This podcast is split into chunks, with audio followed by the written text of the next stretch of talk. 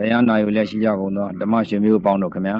တရားနာယူလည်းရှိကြကုန်သောဓမ္မရှင်မျိုးပေါင်းတို့ခမညာကျွန်တော်များ၏ကျေးဇူးရှင်ဖြစ်သည့်ဘဲငူကြောင့်ဆရာတော်ရှင်သူမြတ်ဘုရားသည်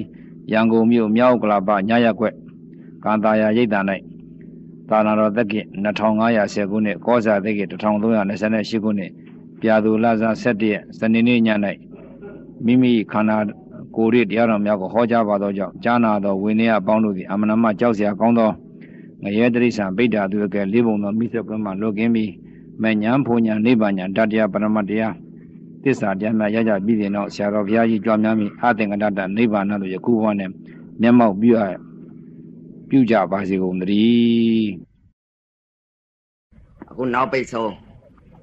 သာသနာဟာဥပဇင်တရားဟောတိုင်းဟောတိုင်းကြီးလိုက်တယ်ဒကမတွေကြီးများ အဲနောက်ပိတ်ဆုံးသာသနာဒကမသာသနာနဲ့တူပါရဲ့အဲဒကသာသနာတော့နည်းဒါကြောင့်မလို့လည်းပဲနတ်ပြည်6ထပ်မှာဒကမတွေများတယ်နတ်သားတယောက်ဒကမတွေကအများကြီးဒါကြောင့်မလို့နောက်အခုသာသနာမှာလဲတရားနာရင်လည်းဒကမတွေကများဒကာတွေကနဲဒကာတွေကနဲတာပေါ့လေ ဒကာတွေကလည်းသူတို့လောက်ရကိုင်းရနဲ့သွားရလာရနဲ့သူတို့ရှာဖွေနေရတာကိုအဲဒါကြောင့်မလို့တချို့လည်းပြောလိပြောတာရှိတယ်အခုဟာကတော့မြတ်စွာဘုရားလက်ထက်တော်တုန်းကတော့ဒကာတွေကများပါလိမ့်မယ်ဓမ္မရဲ့အခုမြတ်စွာဘုရားသာသနာမှာတပတ်ပြန်လှည့်လာတော့သာသနာ9000ထားခဲ့သာသနာ9000ထားခဲ့တော့တပတ်ပြန်လှည့်လာတော့ ဒကမအလှည့်ရောက်လာပြီဓမ္မရဲ့ဒကမအလှည့်ဆိုဒကမသာသနာနဲ့တူတယ်ဥပဇင်တရားလှည့်ဟောတယ်မော်လမြိုင်ဟောတယ်မုဒုံဟောတယ်တဝဲဟောတယ်ဘိတ်ဟောတယ်ပလောဟောခဲ့တယ်ဟင်္ဒရကနောင်အလုံးမုံရွာအဖြောက်ရန်ကုန်မြို့ကတော့အာကြီးပဲအကွက်ချထားလို့ဒီမှာအကွက်စိနေဘယ်နေရာဟောဟော တက္ကမက3000လောက်ရှိရင်2000လောက်ရှိရင်တက္ကက900လောက်ပဲရှိအခုကနောက်ပိတ်ဆုံးသာသနာတက္ကမသာသနာပါပဲလို့တက္ကမတွေကများတာကိုဒါကြောင့်လို့ဘုရားကလည်း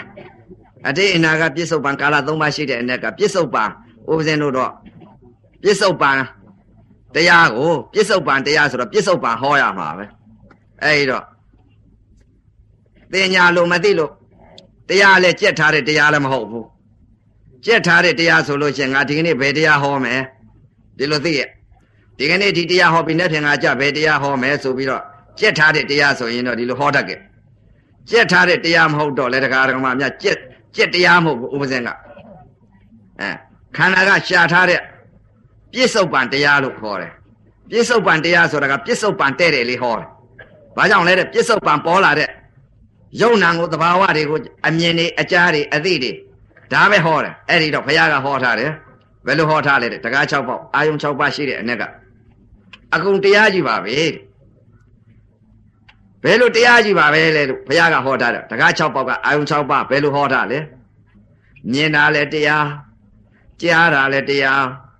နာတာလဲတရားစားတာလဲတရားထိတာလဲတရားသိတာလဲတရားအကုန်တရားကြီးပဲမြင်တာလဲအစဉ်ပရမကြားတာလဲအတန်ပရမ နာနာလဲအနံပရမစားတာလဲရတာပရမထိတာလဲအတွေ့ပရမသိတာလဲဓမ္မပရမတဲ့ပရမကြီးပါပဲတဲ့ဘုရားကအကုန်တရားကြီးပဲတဲ့အဲ့တော့ကြက်ထားတဲ့တရားမရတော့ပြစ္ဆုတ်ပံပေါ်လာတဲ့ယုံနံတရားတွေကိုပြစ္ဆုတ်ပံတရားဟောရမှာပဲခုနကတော့တောင်းလိုက်တဲ့ယောဂီကကြည်မနံယောဂီကဘုရားဘုရားတပည့်တော်တို့သန္တရာကြီးမှာမြုပ်ချီပေါ်ကြီးတောနေရပါတယ်ဘုရား ပင်လေကောင်လှေရင်လေးစီးပြီးတော့တစ်ဖက်ကန်းကားမမြင်လားမမြင်ဖြစ်နေပါတယ်ဘုရားအဲ့တော့ဘုရားတပည့်တော်တို့မာတဲ့ကဘာလာဇန်တည့်တဲ့ကတကား6ပေါက်ကအာယုံ6ပါးဟာဖြင့်ဒုက္ခဝေဒနာဒုက္ခဝေဒနာဝေဒနာမှလည်းမသိဘူးဒုက္ခသစ္စာလည်းမမြင်ခဲ့ပါဘုရား တကား6ပေါက်အာယုံ6ပါးနဲ့ညင်းပျော်မွေးပြီးတော့နေလိုက်တဲ့ဥစ္စာအာယုံလိုက်ပြီးခံစားနေလိုက်တာအခုတည်းထိတန်ត្រာကြီးမြုပ်လိုက်ပေါ်လိုက်ဖြစ်လိုက်ပြက်လိုက်ဖြစ်လိုက်ပြက်လိုက်ဖြစ်ပြက်နေရတဲ့တန်ត្រာဒုက္ခကြီးခံစားနေရပါတယ်ဘုရားအဲ ဒီလိုတရားတောင်းတဲ့ပုဂ္ဂိုလ်ကတောင်းလိုက်ပါတယ်အဲ့တော့ကမ္ဘာလာစမ်းတည့်တဲ့ကဖြစ်ပြနေတဲ့ယုံနာတွေကိုမသိခဲ့ပါဘူးတဲ့အဲ့တော့ဝိပဿနာတရားဆိုတာက ယုံနာပဲရှိတာကိုယုံနာဤသဘောတရားကဘာလဲဖြစ်လိုက်ပြစ်လိုက်ဖြစ်လိုက်ပြစ်လိုက်ပြစ္ဆုတ်ပံကိုပြစ္ဆုတ်ပံဖြစ်ပြနေတဲ့ယုံနာပဲဟောရမှာပဲအဲ့ဒီတော့ကြက်ထားတဲ့တရားကလည်းမရှိတော့ကြက်ထားတဲ့တရားရှိလို့ရှိရင်လွယ်ရဲ့ဗျဘာကြောင့်လဲတဲ့ကြက်ထားတဲ့တရားရှိလို့ရှိရင်ဒီကနေ့ငါသုတ်တာဟောမယ်နေ့ဖြင့်ငါကြငါဘာဟောမယ်တပည့်ခါကြငါဘာဟောမယ်သုံးရက်ဟာဒီလိုကြက်ထားတဲ့တရားဆိုလို့ရှိရင်လည်းရှိအဲအစီအစဉ်လေးရဲ့ဖြောင်းရဲ့ အဲ့ဒီတော့ပြစ္ဆုတ်ပံတရားဆိုတာပေါ်လာတဲ့သဘောတရားတွေကိုဟောသွားပါတယ်ပြစ္ဆုတ်ပံတရားဘုရားကလည်းဟောထားပါတယ်အတိတ်အနာကပြစ္ဆုတ်ပံကာလ၃ပါးရှိကာလ၃ပါးရှိတဲ့အ ਨੇ ကအတိတ်ကိုလည်းမတွေးနဲ့တဲ့မရောက်သေးသောအနာဂတ်စိတ်ကိုလည်းမမျှော်နဲ့တဲ့ပြစ္ဆုတ်ပံပေါ်လာတဲ့ယုံနာကိုသိတယ်အတိတ်ကိုတွေးလိုက်ရင်တုံ့လှုပ်မယ်တဲ့မရောက်သေးသောအနာဂတ်စိတ်ကိုမျှော်လိုက်မယ်ဆိုရင်ပြန့်လွင့်သွားမယ်တဲ့ ပြစ္ဆုတ်ပံပေါ်လာတဲ့ယုံနာကိုသာအမှန်မြင်အမှန်သိလိုက်ပါတဲ့အဲ့တော့အခုတရားကတော့တရားဓမ္မများပြစ္ဆုတ်ပံတရားပဲအဲ့တော့ဥပဇင်ကစာကလည်းမတတ်တော့တရားဓမ္မများဖရာအသိတွေလည်းမသိခဲ့ဘူးကလားစကားလည်းမတတ်ဘူးကလားစကားမတတ်တော့ဘာသာလိုပဲသိတော့ဘာသာလိုပဲနာကြပေါ့ဗျာ ဥပဇင်ကကလားလိုလည်းမသိကလားလိုသိနေလို့ရှင်ကလားလိုဟောနေအောင်မဗျအင်္ဂလိပ်လိုသိနေရင်အင်္ဂလိပ်လိုဟောနေအောင်မယ်အင်္ဂလိပ်လိုဟောလို့ကလားလိုဟောလို့ကတော့တရားဓမ္မများသိမှာမဟုတ်ဘူးအင်္ဂလိပ်လိုအင်္ဂလိပ်စာသိမှအင်္ဂလိပ်စကားတတ်မှကလားကလားစကားတတ်မှကလားလိုဟောရင်ကလားလိုသိအင်္ဂလိပ်လိုဟောရင်အင်္ဂလိပ်လိုသိအဲ့တော့အင်္ဂလိပ်လိုလည်းမဟောတတ်ဘူးဦးစင်းကကလားလိုလည်းမဟောတတ်ဘူးမဟောတတ်တော့ပြစ္ဆုတ်ပံတရားကတော့ ဟောရမှာပဲလို့ခုနတရားတောင်းတဲ့ပုဂ္ဂိုလ်ကတန်လျာရင်ရင်ကြောတပြည့်တော်တို့မျောနေပါတယ်ဗျာဘာကြောင့်မျောနေလဲတဲ့တန်တရာကြီးဟာဖြစ်လိုက်ပြက်လိုက်ဖြစ်လိုက်ပြက်လိုက်ယုံနာနေဖြစ်ပြက်နေတဲ့ယုံနာနေဟာအကြောင်းကြောင့်အကျိုးဖြစ်နေတဲ့သဘောတရားတွေလည်းမသိဘူးမသိတော့လူဖြစ်လိုက်နတ်ဖြစ်လိုက်မြမာတွေဖြစ်လိုက်ရေထဲငါးတွေဖြစ်လိုက် ကြက်တွေဖြစ်လိုက်ဘဲတွေဖြစ်လိုက်ဝက်တွေဖြစ်လိုက်စိတ်တွေဖြစ်လိုက်နွားတွေဖြစ်လိုက်ကောင်းငင်ပြန်သွားနေတဲ့ငှက်တွေဖြစ်လိုက်မြေတွင်းရှိတဲ့တီတို့ကျွတ်တို့မြော့တို့ပိုးပွားပိတ်တာတွေအကုန်ဖြစ်ပဲဘာကြောင့်လဲတဲ့ဖြစ်လိုက်ပြက်လိုက်ဖြစ်လိုက်ပြက်လိုက်ဖြစ်ပြက်နေတဲ့ယုံနာနေဟာတရားတွေဟာကဘာလာဇတ်တည့်တဲ့ကဖြစ်လာပါတယ်ဗျာဖြစ်လာတဲ့ယုံနာနေဟာဘုရားတပည့်တော်မတို့တပည့်တော်တို့ဒီ သန္တရာရင်ရင်ကြောမျောနေပါတယ်ဗျာတဲ့မြုပ်လိုက်ပေါ်လိုက်မျောလိုက်ပေါ်လိုက်အရှင်ဘုရားဝိပဿနာတရား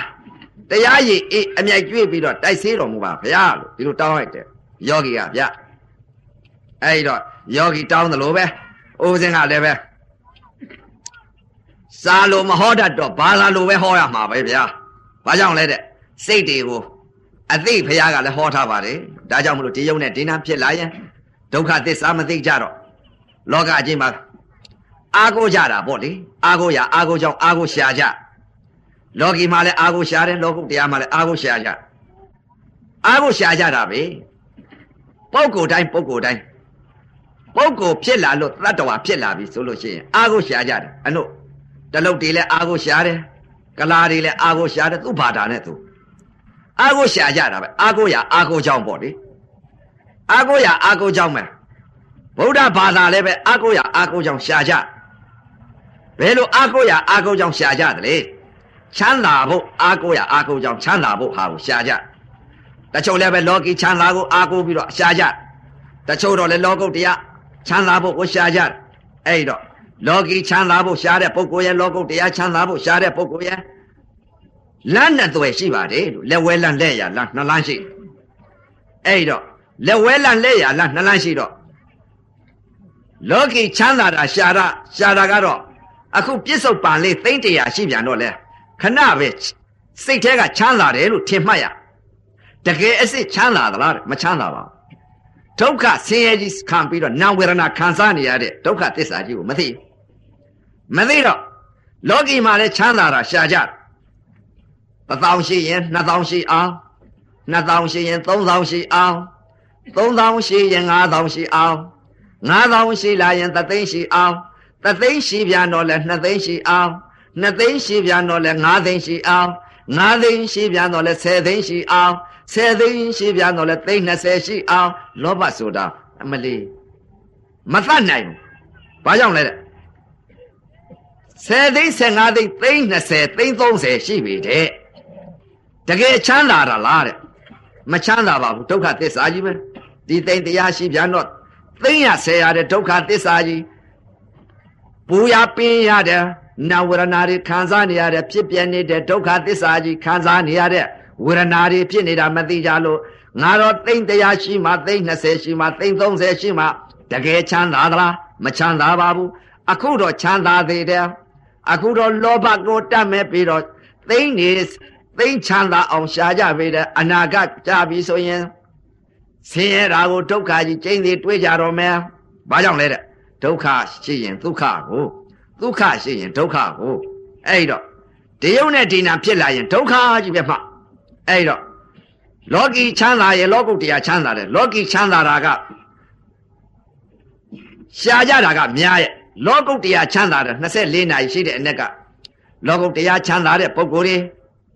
တွေတရားတိုက်တွေတရားတိုက်တွေမှာငါတို့ လောကုတ္တရာချမ်းသာအောင်ရှားအောင်မပဲဆိုတကား6ပေါက်ကအာယုံ6ပါးမျက်စိကလည်းကိလေသာယာကခေါင်းမအောင်နားနဲ့အသာနဲ့ထိမှန်လိုက်တဲ့အချိန်ကလည်းကိလေသာယာကခေါင်းမအောင်နှာခေါင်းနဲ့အနာနဲ့ထိမှန်လိုက်တဲ့အချိန်ကကိလေသာယာကခေါင်းမအောင်လျှာနဲ့ရတာနဲ့စားလိုက်တဲ့အချိန်ကကိလေသာယာကခေါင်းမအောင်ကိုယ်နဲ့အတွေ့နဲ့ထိမှန်လိုက်တဲ့အချိန်ကကိလေသာယာကခေါင်းမအောင် မနောနဲ့ဓမ္မနဲ့ပေါင်းစုံလိုက်တော့ထုံနည်းတူစွာပဲတကား6ပေါက်အာယုံ6ပါးကိလေသာယာကခေါင်းပါအောင်ကျင့်ညာအထုံပြီးတော့အသိအမြဲတမ်းကပ်ပြီးတော့ကိလေသာတွေတတ်နေတဲ့ပုဂ္ဂိုလ်ကလောကုတ္တရာချမ်းသာတာရှားလောကီမှာတော့လေ1000က2000 2000က3000 3000က4000 4000က5000တစ်သိန်းဒီလိုရအောင်ရှားကြချမ်းသာဖို့ရှားကြလောကီမှာလည်းရှားတယ်လောကုတ္တရာမှာလည်းရှားတယ်လောကုတ္တရာနယ်မှာ ချမ်းသာတာရှားကြတယ်ဒါနာမှုလေးသီလမှုလေးစောင့်တည်ကြဒါနာမှုလေးပြုလိုက်ကြသီလမှုလေးကိုစောင့်တည်ကြသမထမှုလေးကိုလှုပ်လိုက်ကြအဲ့ဒီတော့ဒါလေးတွေကိုလည်းလှုပ်ကြတယ်ရံကာရံကာသီလမှုဒါနမှုသမထမှုဒါလေးတွေရံကာရံကာလှုပ်ကြအဲ့တော့ဒီဟာဒီလှုပ်ပြန်တော့ရောတဲ့ချမ်းသာမလားလို့လှုပ်ကြတာပေါ့လေ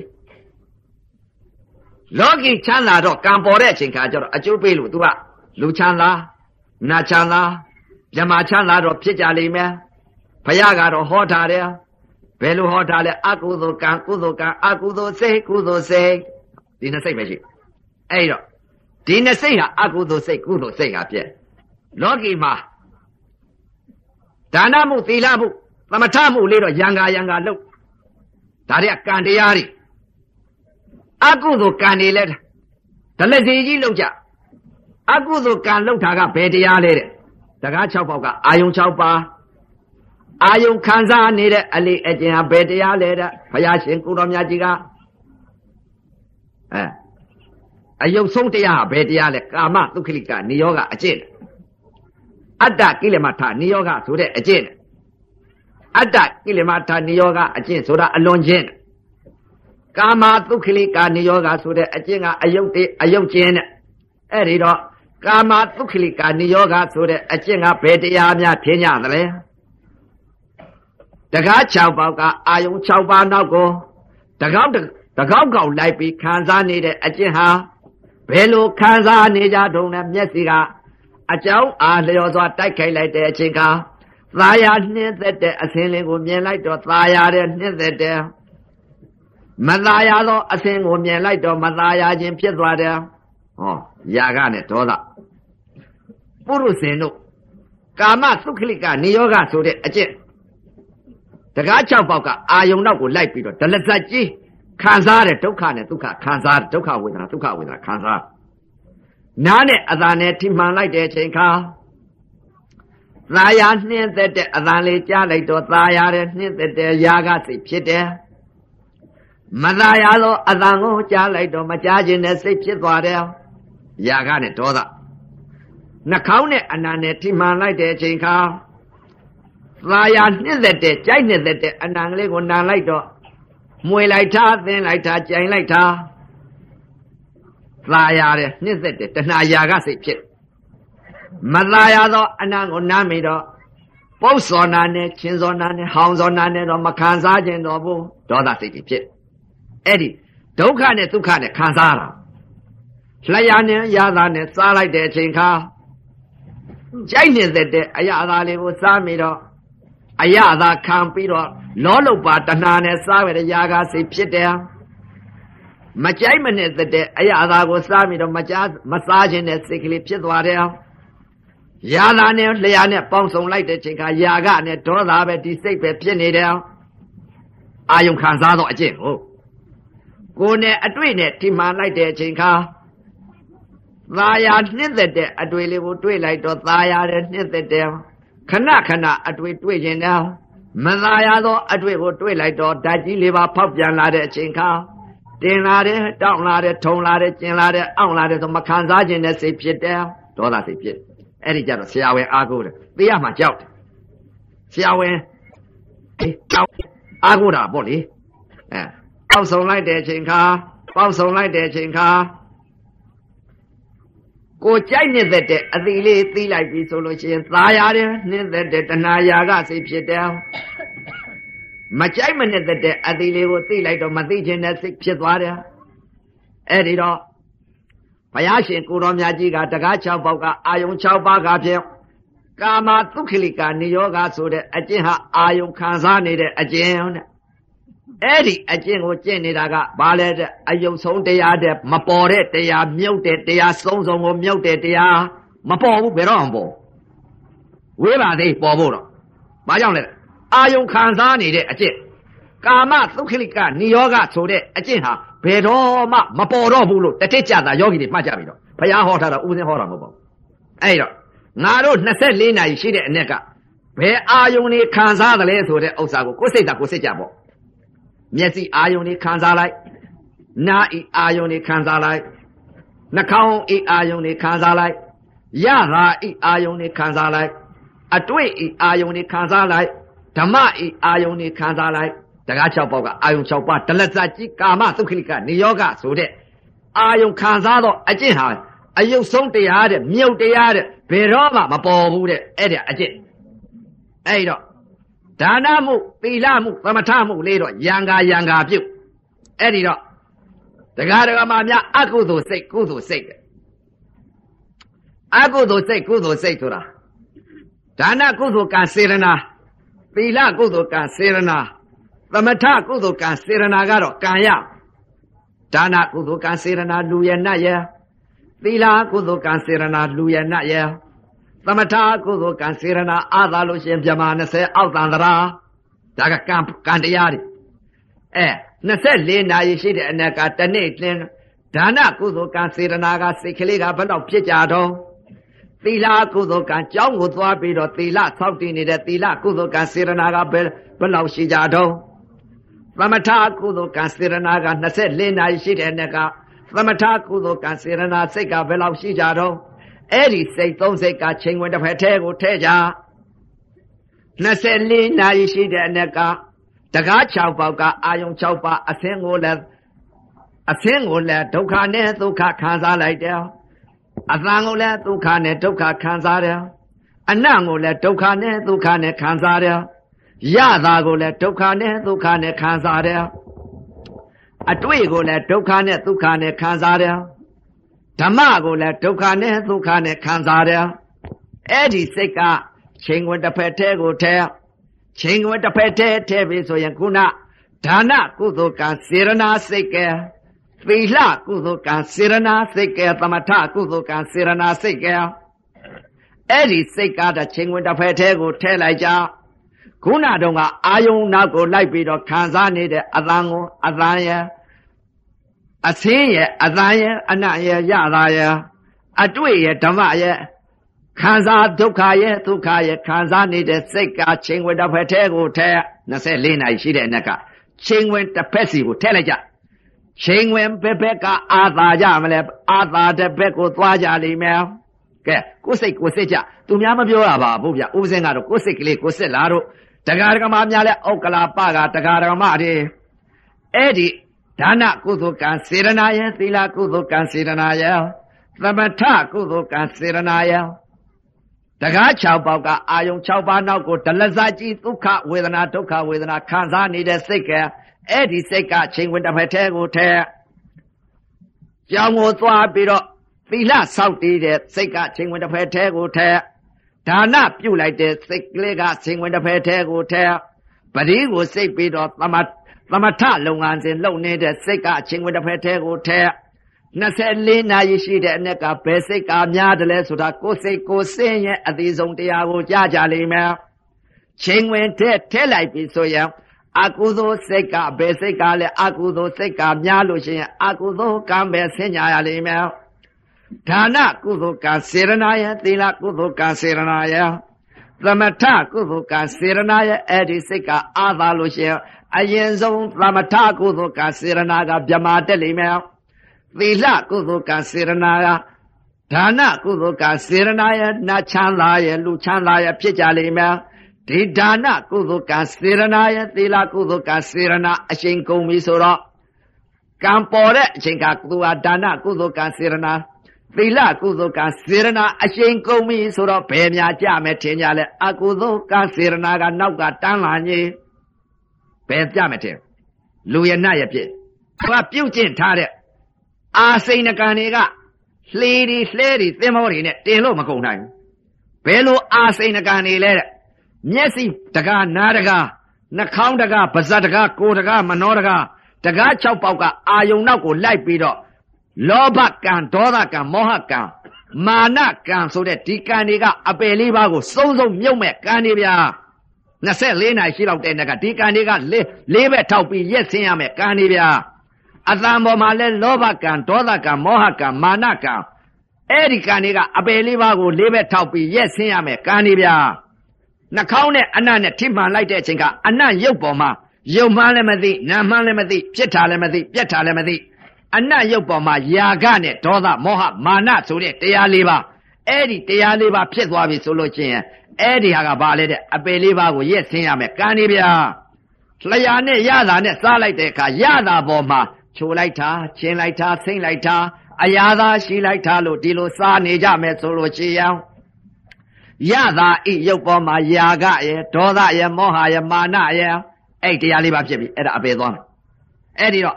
အဲ့ဒီစိတ်နဲ့ဒါနကုသိုလ်ကံစိတ်နဲ့သီလကုသိုလ်ကံစိတ်နဲ့ အဲဘောင်ချိန်ရပြီတော့ဘောင်ချိန်လာပြီဆိုရင်ကိုပြုတ်ထားတဲ့ကံဘယ်ကံနေပြုတ်ထားလဲဘယ်ကံကအာသာတယ်လဲဆိုတာသေဂာနိဆဲဆဲကြတော့ကိုပြုတ်ထားတဲ့ကံမကောင်းတဲ့အာစိန်ကံပြုတ်ထားတယ်ပေဂာနိဆဲဆဲကြတော့ဒီကံမကောင်းတဲ့အာသနကံတွေလာကြလိမ့်မယ်ဗျာဘာကြောင့်လဲတဲ့ကိုကပြုတ်ထားတာကမကောင်းတဲ့အာစိန်ကံပြုတ်တယ်ပေဂာနိဆဲဆဲကြတော့မကောင်းတဲ့အာသနကံမြင်လိုက်တယ် နတ်ပြေကနတ်ယထာ6ဆင်းတော့မကြဘူးနတ်သားလေးတွေမမြင်ရဘူးနတ်သမီးလေးတွေမမြင်ရဘူးဘယ်မှာမြင်နေတယ်လဲတဲ့တရားဓမ္မများဘယ်ကိုမြင်နေကြတယ်လဲတဲ့အခုမြင်နေတာအထက်မြင်လို့ရှိရင်အထက်ကိုသွားမယ်အောက်ကိုမြင်ရင်အောက်ကိုသွားလိမ့်မယ်အဲ့ဒီတော့ငါတို့စိတ်တွေဟာဘယ်လိုမြင်တယ်လဲဘယ်လိုသိတယ်လဲအောက်ဖက်မြင်ရသလားအထက်ကိုမြင်နေသလားဇာအဖေဉင်နေရပြီးတော့အထက်ကိုမြင်နေသလား ဒီလိုမှဇာအဖေဉင်မရဘဲနဲ့ငါတို့မြင်နေတဲ့အမြင်တွေကဘယ်ကိုမြင်တယ်လဲအောက်ကိုမြင်သလားအောက်ကိုပဲဂတိရှိထားသလားကိုဂတိရှိရကိုသွားကြရလိမ့်မယ်ကိုပြုတ်ထားတဲ့ကံကိုရမယ်ကိုဆောက်လုပ်ထားတဲ့အိမ်ကိုနေကြရမယ်ကိုပြုတ်တဲ့ကံကဘာကံလဲတဲ့တကား6ပေါက်ကအာယုံ6ပါးကိုဒုက္ခနဲ့ဒုက္ခဝေဒနာတွေခံစားနေတဲ့မကောင်းတဲ့အာစိန်ကံတွေသေဂာနိဆဲဆဲကြတော့မကောင်းတဲ့အာသနကံမြင်ရမယ်လားမှတ်တော့တရားဓမ္မများအဲ့ဒီတော့ တရားဓမ္မများအခုမြင်နေတဲ့သိနေတဲ့အမြင်တွေအသိတွေကသူများတဲ့ထုခဲ့ပြီးသမာဓိဋ္ဌိညာသမာဓိဋ္ဌိမျက်စိဓမ္မစက်ခုံကြီးပွင့်ပြီးတော့အထက်ကိုနတ်ပြေ6ထပ်ကိုမြင်သလားနတ်သားတွေမြင်ဘူးသလားနတ်သမီးကိုမြင်ဘူးသလားဘာကိုမြင်ဘူးသလဲကိုယ်စိတ်သားကိုယ်စိတ်ကြတော့ငါတို့မြင်တဲ့အမြင်တွေကဘယ်မှာမြင်သလဲအောက်ကိုမြင်ကြသလားလို့ဆိုတာမြင်တဲ့အမြင်တွေကကိုယ်အမြင်ကိုယ်အသိသေဂာနိဆဲဆဲဘယ်အမြင်လာမတော့ ကိုယ်အမြင်ကိုယ်အသိအောက်ကိုမြင်ရင်အောက်ကအသိပဲလာတော့ဘယ်လိုမြင်ကြမလဲဆိုရင်ကိုယ်မြင်တဲ့အမြင်တွေကတကား6ပေါက်ကအာယုံ6ပါးမြင်လိုက်တဲ့အချိန်ကဒကမာမြင်တယ်ဒကမာသိတယ်တကားမြင်တယ်တကားသိတယ်ခွေးကိုမြင်တယ်ခွေးကိုသိတယ်နွားကိုမြင်တယ်နွားကိုသိတယ်ရေကိုမြင်တယ်ရေကိုသိတယ်တောကိုမြင်တယ်တောကိုသိတယ်တောင်ကိုမြင်တော့တောင်ကိုသိတယ်ငါးတွေမြင်တော့ငါးတွေသိတယ် ငသလောက်မြင်တော့ငသလောက်ရဲ့လို့သိတယ်ငကြီးမြင်တော့ငကြီးသိတယ်ငရမြင်တော့ငရသိတယ်အဲကြက်မြင်ကြက်သိတယ်ဘယ်မြင်ဘယ်သိတယ်စိတ်မြင်စိတ်သိတယ်နွားမြင်နွားသိတယ်โอเคကိုယ်စိတ်သာကိုယ်စိတ်ကြတော့ငါတို့မြင်နေတာဘာတွေမြင်နေတယ်လဲတဲ့တိုက်မြင်လို့တိုက်သိတယ်ကာကြီးမြင်လို့ကာကြီးသိတယ်မြေကြီးတွေမြင်တော့မြေကြီးတွေသိတယ်ခွေးတန်ကြားလို့ခွေးတန်သိတယ်ဝက်တန်ကြားလို့ဝက်တန်သိတယ် နွားတန်ကြားလို့နွားတန်သိတယ်မွေးတာနံလို့မွေးတာသိတယ်ပုတ်စော်နံလို့ပုတ်စော်နံတာသိတယ်ချိုးတာစားလို့ချိုးတာသိတယ်ငါနာစားတော့ငါနာသိတယ်ပူတာပေါ်တော့ပူတယ်လို့သိတယ်ကောင်းတာပေါ်တော့ကောင်းတယ်လို့သိတယ်ဆင်းရဲတာပေါ်တော့ဆင်းရဲတယ်လို့သိတယ်အဲဒီလိုသိတယ်ကဲဒီလိုသိတော့ကိုသိတာကဘာအသိလဲတဲ့အောက်သိလူတိုင်းလူတိုင်းမြင်တဲ့လူတိုင်းလူတိုင်းအသိ လူတိုင်းလူတိုင်းမြင်တဲ့လူတိုင်းလူတိုင်းအသိကဒကာဒကာမများကိုယ်စိတ်သာကိုယ်စိတ်ကြတာငါတို့သူများတဲ့ထုခဲ့ပြီးမြင်တဲ့အမြင်လားသမာဓိဋ္ဌိငါတို့မြင်တဲ့အမြင်ကဘယ်လိုအမြင်လဲဒကမာလေးမြင်လို့ဒကမာလေးသိသလားဒကာကြီးတွေပြင်မေးမယ်ဒကာလို့ဒကမာလေးမြင်လို့ဒကမာလေးသိသလားဒကမာလေးချောတာလေးမြင်လို့ချောတာလေးသိလိုက်သလားလှတာလေးမြင်လို့လှတာလေးသိသလားဝါတာလေးမြင်လို့ဝါတာလေးသိသလား ဖြူတာမြင်လို့ဖြူတာသိသလားပိန်တာမြင်လို့ပိန်တာသိသလားဒကာကြီးတွေဒကမာကြီးတွေကလည်းမေးလိုက်ဦးမယ်ဒကမာကြီးတွေကလည်းပဲဒကာလေးမြင်လို့ဒကာလေးလို့သိလိုက်သလားချောတာမြင်လို့ချောတာသိလားဝါတာမြင်လို့ဝါတာသိလားရှည်တာမြင်လို့ရှည်တာသိလားတိုးတာမြင်လို့တိုးတာသိသလားဒီလိုသိနေလို့ရှိလို့ကတော့ဒကာဒကမာမြလူတိုင်းအမြင်လူတိုင်းသိငါတို့မြင်တဲ့အမြင်တွေကထူးကဲပြီးသမာဓိဋ္ဌိညာနဲ့မိစ္ဆာဒိဋ္ဌိတဲ့သမာဓိဋ္ဌိဘုရားဟော သမာဓိဋ္ဌိဆိုတာသူများတဲ့ထူးကဲပြီးတော့သမာဓိဋ္ဌိဆိုတာအမှန်မြင်တဲ့တရားငါတို့အမှန်မြင်မလားအမှန်သိမလားဆိုတာကိုယ်စိတ်ကိုယ်စစ်ကြပေါ့ငါတို့မြင်တဲ့အမြင်တွေကကိုယ်စိတ်ကိုယ်စစ်လိုက်လို့ကျဥပဇင်းလည်းအတိတ်ကတော့စစ်လာခဲ့ပါတယ်ဘယ်လိုစစ်လာခဲ့သလဲတဲ့ဥပဇင်းကအတိတ်ကလာတော့မြင်လိုက်တဲ့အမြင်နဲ့ဥပဇင်းကအနာအတိတ်ကတော့လောဘကကြီးခဲ့တယ်ဗျဘယ်လိုလောဘကြီးရလဲတဲ့ဒကာဒကမများဥပဇင်းကအတိတ်ကလာတော့ဒီမှာလူဆိုးဗျဘယ်လိုလူဆိုးလဲဓမြဗျ လူကောင်းတော့မဟုတ်ဘူးအဲဥပဇင်းဆိုးလာတာကတော့အင်္ဂလိပ်မှာလာကြည့်လောက်တော့မဆိုးပါဘူးအဲ့တော့ဆိုးပေတဲ့ဘုရားရှင်ကိုတော်မြတ်ကြီးကသိပယ်ဆိုင်ပွားထိုလေးပါသိရင်ပယ်တယ်မသိမပယ်နိုင်ဘူးအဲ့တော့အတိတ်ကလာတော့အနန္တလောဘကြီးရဲ့သူများသသောင်းရရင်ဥပဇင်းကဒီမှာ9000လောက်ရမှကြိုက်တယ်ဒါကြောင့်မလို့လောဘကြီးနှုံးတို့ဓမြတိုက်တာပေါ့ဗျာကန်းကောင်စကားပြောလိုက်သူများတဲ့လောဘကြီးလို့ဓမြတိုက်အဲအဲ့တော့လောဘမကြီးတယ်ကြီးတယ်ဆိုတာ သူများတဲ့လောဘကြီးတယ်သသောင်းလို့ချင်းသူများသသောင်းရရင်ဥပဇင်းက4000 5000လောက်ရမှကြိုက်အဲ့တော့လောဘအနန္တကြီးတယ်အတိတ်ကလာတော့ကဥပဇင်းကလောဘမကြီးတယ်ကြီးတယ်မလားတကား6ပေါက်ကအာယုံ6ပါးလဲလောဘကြီးနေတာဘယ်လိုလောဘကြီးလဲဥပဇင်အတိတ်ကမြင်လာတာဘယ်လိုမြင်ခဲ့သလဲတဲ့မျက်စိနဲ့အဆင်းနဲ့ပေါင်းဆောင်လဲအဆင်းမှလည်းမသိဘူးယုံမှလည်းမသိဘူးနာမှလည်းမသိဘူးဖြစ်ထားလည်းမသိဘူးပြက်ထားလည်းမသိဘူးနာအိတ်အာယုံရောက်ဖြစ်နေတဲ့အကြောင်းတရားအကျိုးတရားခန္ဓာ၅ပါးကိုမမြင်ခဲ့ဘူးမမြင်ခဲ့တော့မျက်စိဘောက်ကနေပြီးတော့ဘယ်လိုတွေးခဲ့သလဲတဲ့ဥပဇင်အတိတ်ကလည်းက လောဘဖြစ်ပြီးတော့တဏှာဖြစ်ခဲ့မျက်စိနဲ့မြင်လိုက်တဲ့ချိန်ဒကမာလေးမြင်တာပဲဒကမာလေးမြင်ပြီးဒကမာလေးသိတယ်ဖြူတာလေးမြင်ဖြူတာလေးသိချောတာလေးမြင်ချောတာလေးသိအဲ့ဒါဒကာဒကမာပြဥပဇင်ဟာနေကင်းမြင်တယ်ဗျနေကင်းမြင်ပြီးတော့ဒီဒကမာလေးကပျောက်သွားတယ်မပြက်သွားတယ်မရှိဘူးညကြတော့တွေးလိုက်တာလေဒီဒကမာလေးကိုစိတ်ထဲကနွားစိတ်ဖြစ်နေတယ်ဥပဇင်ဟာနွားများဟာနေကင်းကိုစားလိုက်တယ်စားပြီးတော့တခါတည်းညကြတော့အစာဟောင်းတွေထုတ်ပြီးတော့တခါတည်းဝါတော့တာ အဲ့ဒါပါလေတဲ့နွားများလို့နေကင်းစားလိုက်တဲ့အစာဟာညကြမှာအစာဟောင်းတွေထုတ်ပြီးတော့ဝါတယ်ဗျာစမြုပ်ပြန်ဥပဇင်လည်းအတိတ်ကလာတော့ကမျက်စိနဲ့မြင်လိုက်တဲ့ဒကမာလေးမြင်ပြီးဒကမာလေးသိလိုက်ပြီးတော့ချောတာလေးမြင်တော့ချောတာလေးသိလိုက်လှတာလေးမြင်တော့လှတာလေးသိလိုက်ဒါလေးပဲညကြတော့တခါတည်းကိုနှင်ခင်းမြင်ပြီးတော့နှင်ခင်းကြတော့မမြင်တော့မျက်စိကဖယားကတော့ဟောထားတယ်မင်းအတိတ်အနာကပြစ္ဆုတ်ပါ အတိတ်ကိုလည်းမတွေးနဲ့တဲ့ပြက်သွားတဲ့ရုပ်ကိုဥပဇင်ကဖယားဟောထားတာမှမသိမှမသိပဲကိုအတိတ်ကိုလည်းမတွေးနဲ့တဲ့အတိတ်တွေးရင်တုံလှုပ်သွားမယ်တဲ့မရောက်သေးသောအနာဂတ်စိတ်ကိုမမျှော်နဲ့တဲ့မျှော်လိုက်ရင်မင်းပြန့်လွင်သွားမယ်တဲ့ဥပဇင်ကတော့မဟုတ်ဘူးအတိတ်ကြီးတွေးတော့တာနေ့ကဲမှာဒကမာလေးတွေမြင်တယ်ဒကမာလေးမြင်တော့ချောတာလေးမြင်တော့ညကြတော့တခါစမြုပ်ပြန်တာပဲဒီချောတာလေးကိုစိတ်ထဲကကိုတခါတည်းအာဒါကိုတွေးတော့တာပဲစမြုပ်ပြန်တယ်အတိတ်မရှိတဲ့စိတ်မရှိတဲ့ဥစ္စာတွေကိုသွားပြီးတော့အတိတ်ကိုကြီးတွေးဖခင်ကတော့မတွေးနဲ့လို့ပြောတယ် ဥပဇင်ကတွေးခဲ့တယ်အဲ့တော့အတိတ်ကလာတော့ကမျက်စိကမြင်လိုက်တဲ့အချိန်ကဒကမာလေးမြင်တော့ဒကမာလေးသိချောတာမြင်တော့ချောတာသိလှတာမြင်တော့လှတာသိတယ်အဲမျက်စိပေါက်ကနေပြီးဒီလိုမြင်ခဲ့အသံကြားလိုက်ပြန်တော့လဲဒကမအသံလေးကြားတော့အပသားရတယ်ဗျလေဒီအိုသံတဲ့ကမြဒကမအသံလေးကြားလိုက်ဒါခွားကိုမခွာရင်တော့ဘူးဒါလေးကိုစမြုပ်ပြန်နေတာခဏခဏလေဒီကိုဖွင့်ညင်နေတာအဲသာရနေတာပဲအဲအသံပေါ်မှာလဲအနံ့ပေါ်မှာလဲ ရင်မွေးလေးပါလေးဆိုလက်ကမွာလေးနဲ့တခါတပေါင်တယ်လေးဂျိုင်းလေးတွေပါလေးတွေပုတ်အာမျက်နှာလေးတွေပါလေးတွေလိမ့်အဲအင်ကြီးကြောင်တဲ့ဟိုထက်ဒီတဲ့ထိုးသူများတော့မွှဲအောင်လို့အဲအတိတ်ကလှုပ်ခဲ့တယ်ဗျာဦးစင်မသိခင်တော့ကပါလှုပ်ခဲ့အဲ့ဒါပါလေခဏခဏစမြုပ်ပြန်နေတာပဲရေမွှဲကိုကောင်းတဲ့ရေမွှဲမှာရှားဝယ်ခဲ့ပေါင်တယ်ကိုတခါတည်းအဖို့တန်တဲ့ပေါင်တယ်ကိုရှာပြီးတော့ဂျိုင်းကြသုတ်တယ်တခါတည်းတခါတည်းလေးကိုသွားကန်ဒီခကြီးသွားကန်ဒီကိုမျက်နှာကိုတခါတည်းကိုလှုပ်လိုက်သေးတယ်ဒီလောက်အတိတ်ကလာတော့ကလောဘတက်ခဲ့ အဲတကား6ပေါက်ကအာယုံ6ပါးဟာဖြင့်အဲ့ဒီလိုလောဘတက်ခဲ့အဲ့ဒီတော့ဒါကြောင့်မလို့အတိတ်ကလာတော့ကလည်းဥပဇင်းမြင်လာတော့အခုပြစ္ဆုတ်ပံကာလကြတော့သိလာတဲ့အချိန်ကအော်ငါအသိဟာအတိတ်ကလာတော့ကသိလာတဲ့အသိဟာဖြင့်ကာမဒုက္ခလိကနိယောဂဆိုတဲ့အကျင့်အာယုံခံစားသောအကျင့်ဖြစ်ကြပါလားငါအတိတ်ကမြင်လာတဲ့အမြင်တွေအသိတွေကမရှိတဲ့တရားတွေပါလားမရှိတဲ့အတရားငါမြင်တဲ့အမြင်ကငါတော့ငါ့ကိုငါတော့အမှန်မြင်အမှန်သိတယ်လို့ထင်နေ ထင်နေတော့ဥပဇင်းဟာအတိတ်ကလာတော့ကမြင်တဲ့အမြင်ကိုဒကမာလေးတယောက်ကရှောက်လာတဲ့အချိန်ခါကျဒကမာလေးကိုမြင်လိုက်ဒကမာလေးမြင်လိုက်တော့ဒကမာလေးကလည်းချောတာကိုမျက်တောင်လေးကလည်းကော့လို့ဗျမျက်လုံးလေးကလည်းပြူးလို့ဗျခဝဝလေးဗျအဲမြင်တာကိုမြင်တော့ဥပဇင်းစိတ်ထဲကလည်းပဲဒကမာလေးချောတာလေးမြင်တော့ချောတာလေးကိုပီတိဖြစ်ပြီးရာဂစိတ်ဖြစ်ရာဂစိတ်ဖြစ်နေတော့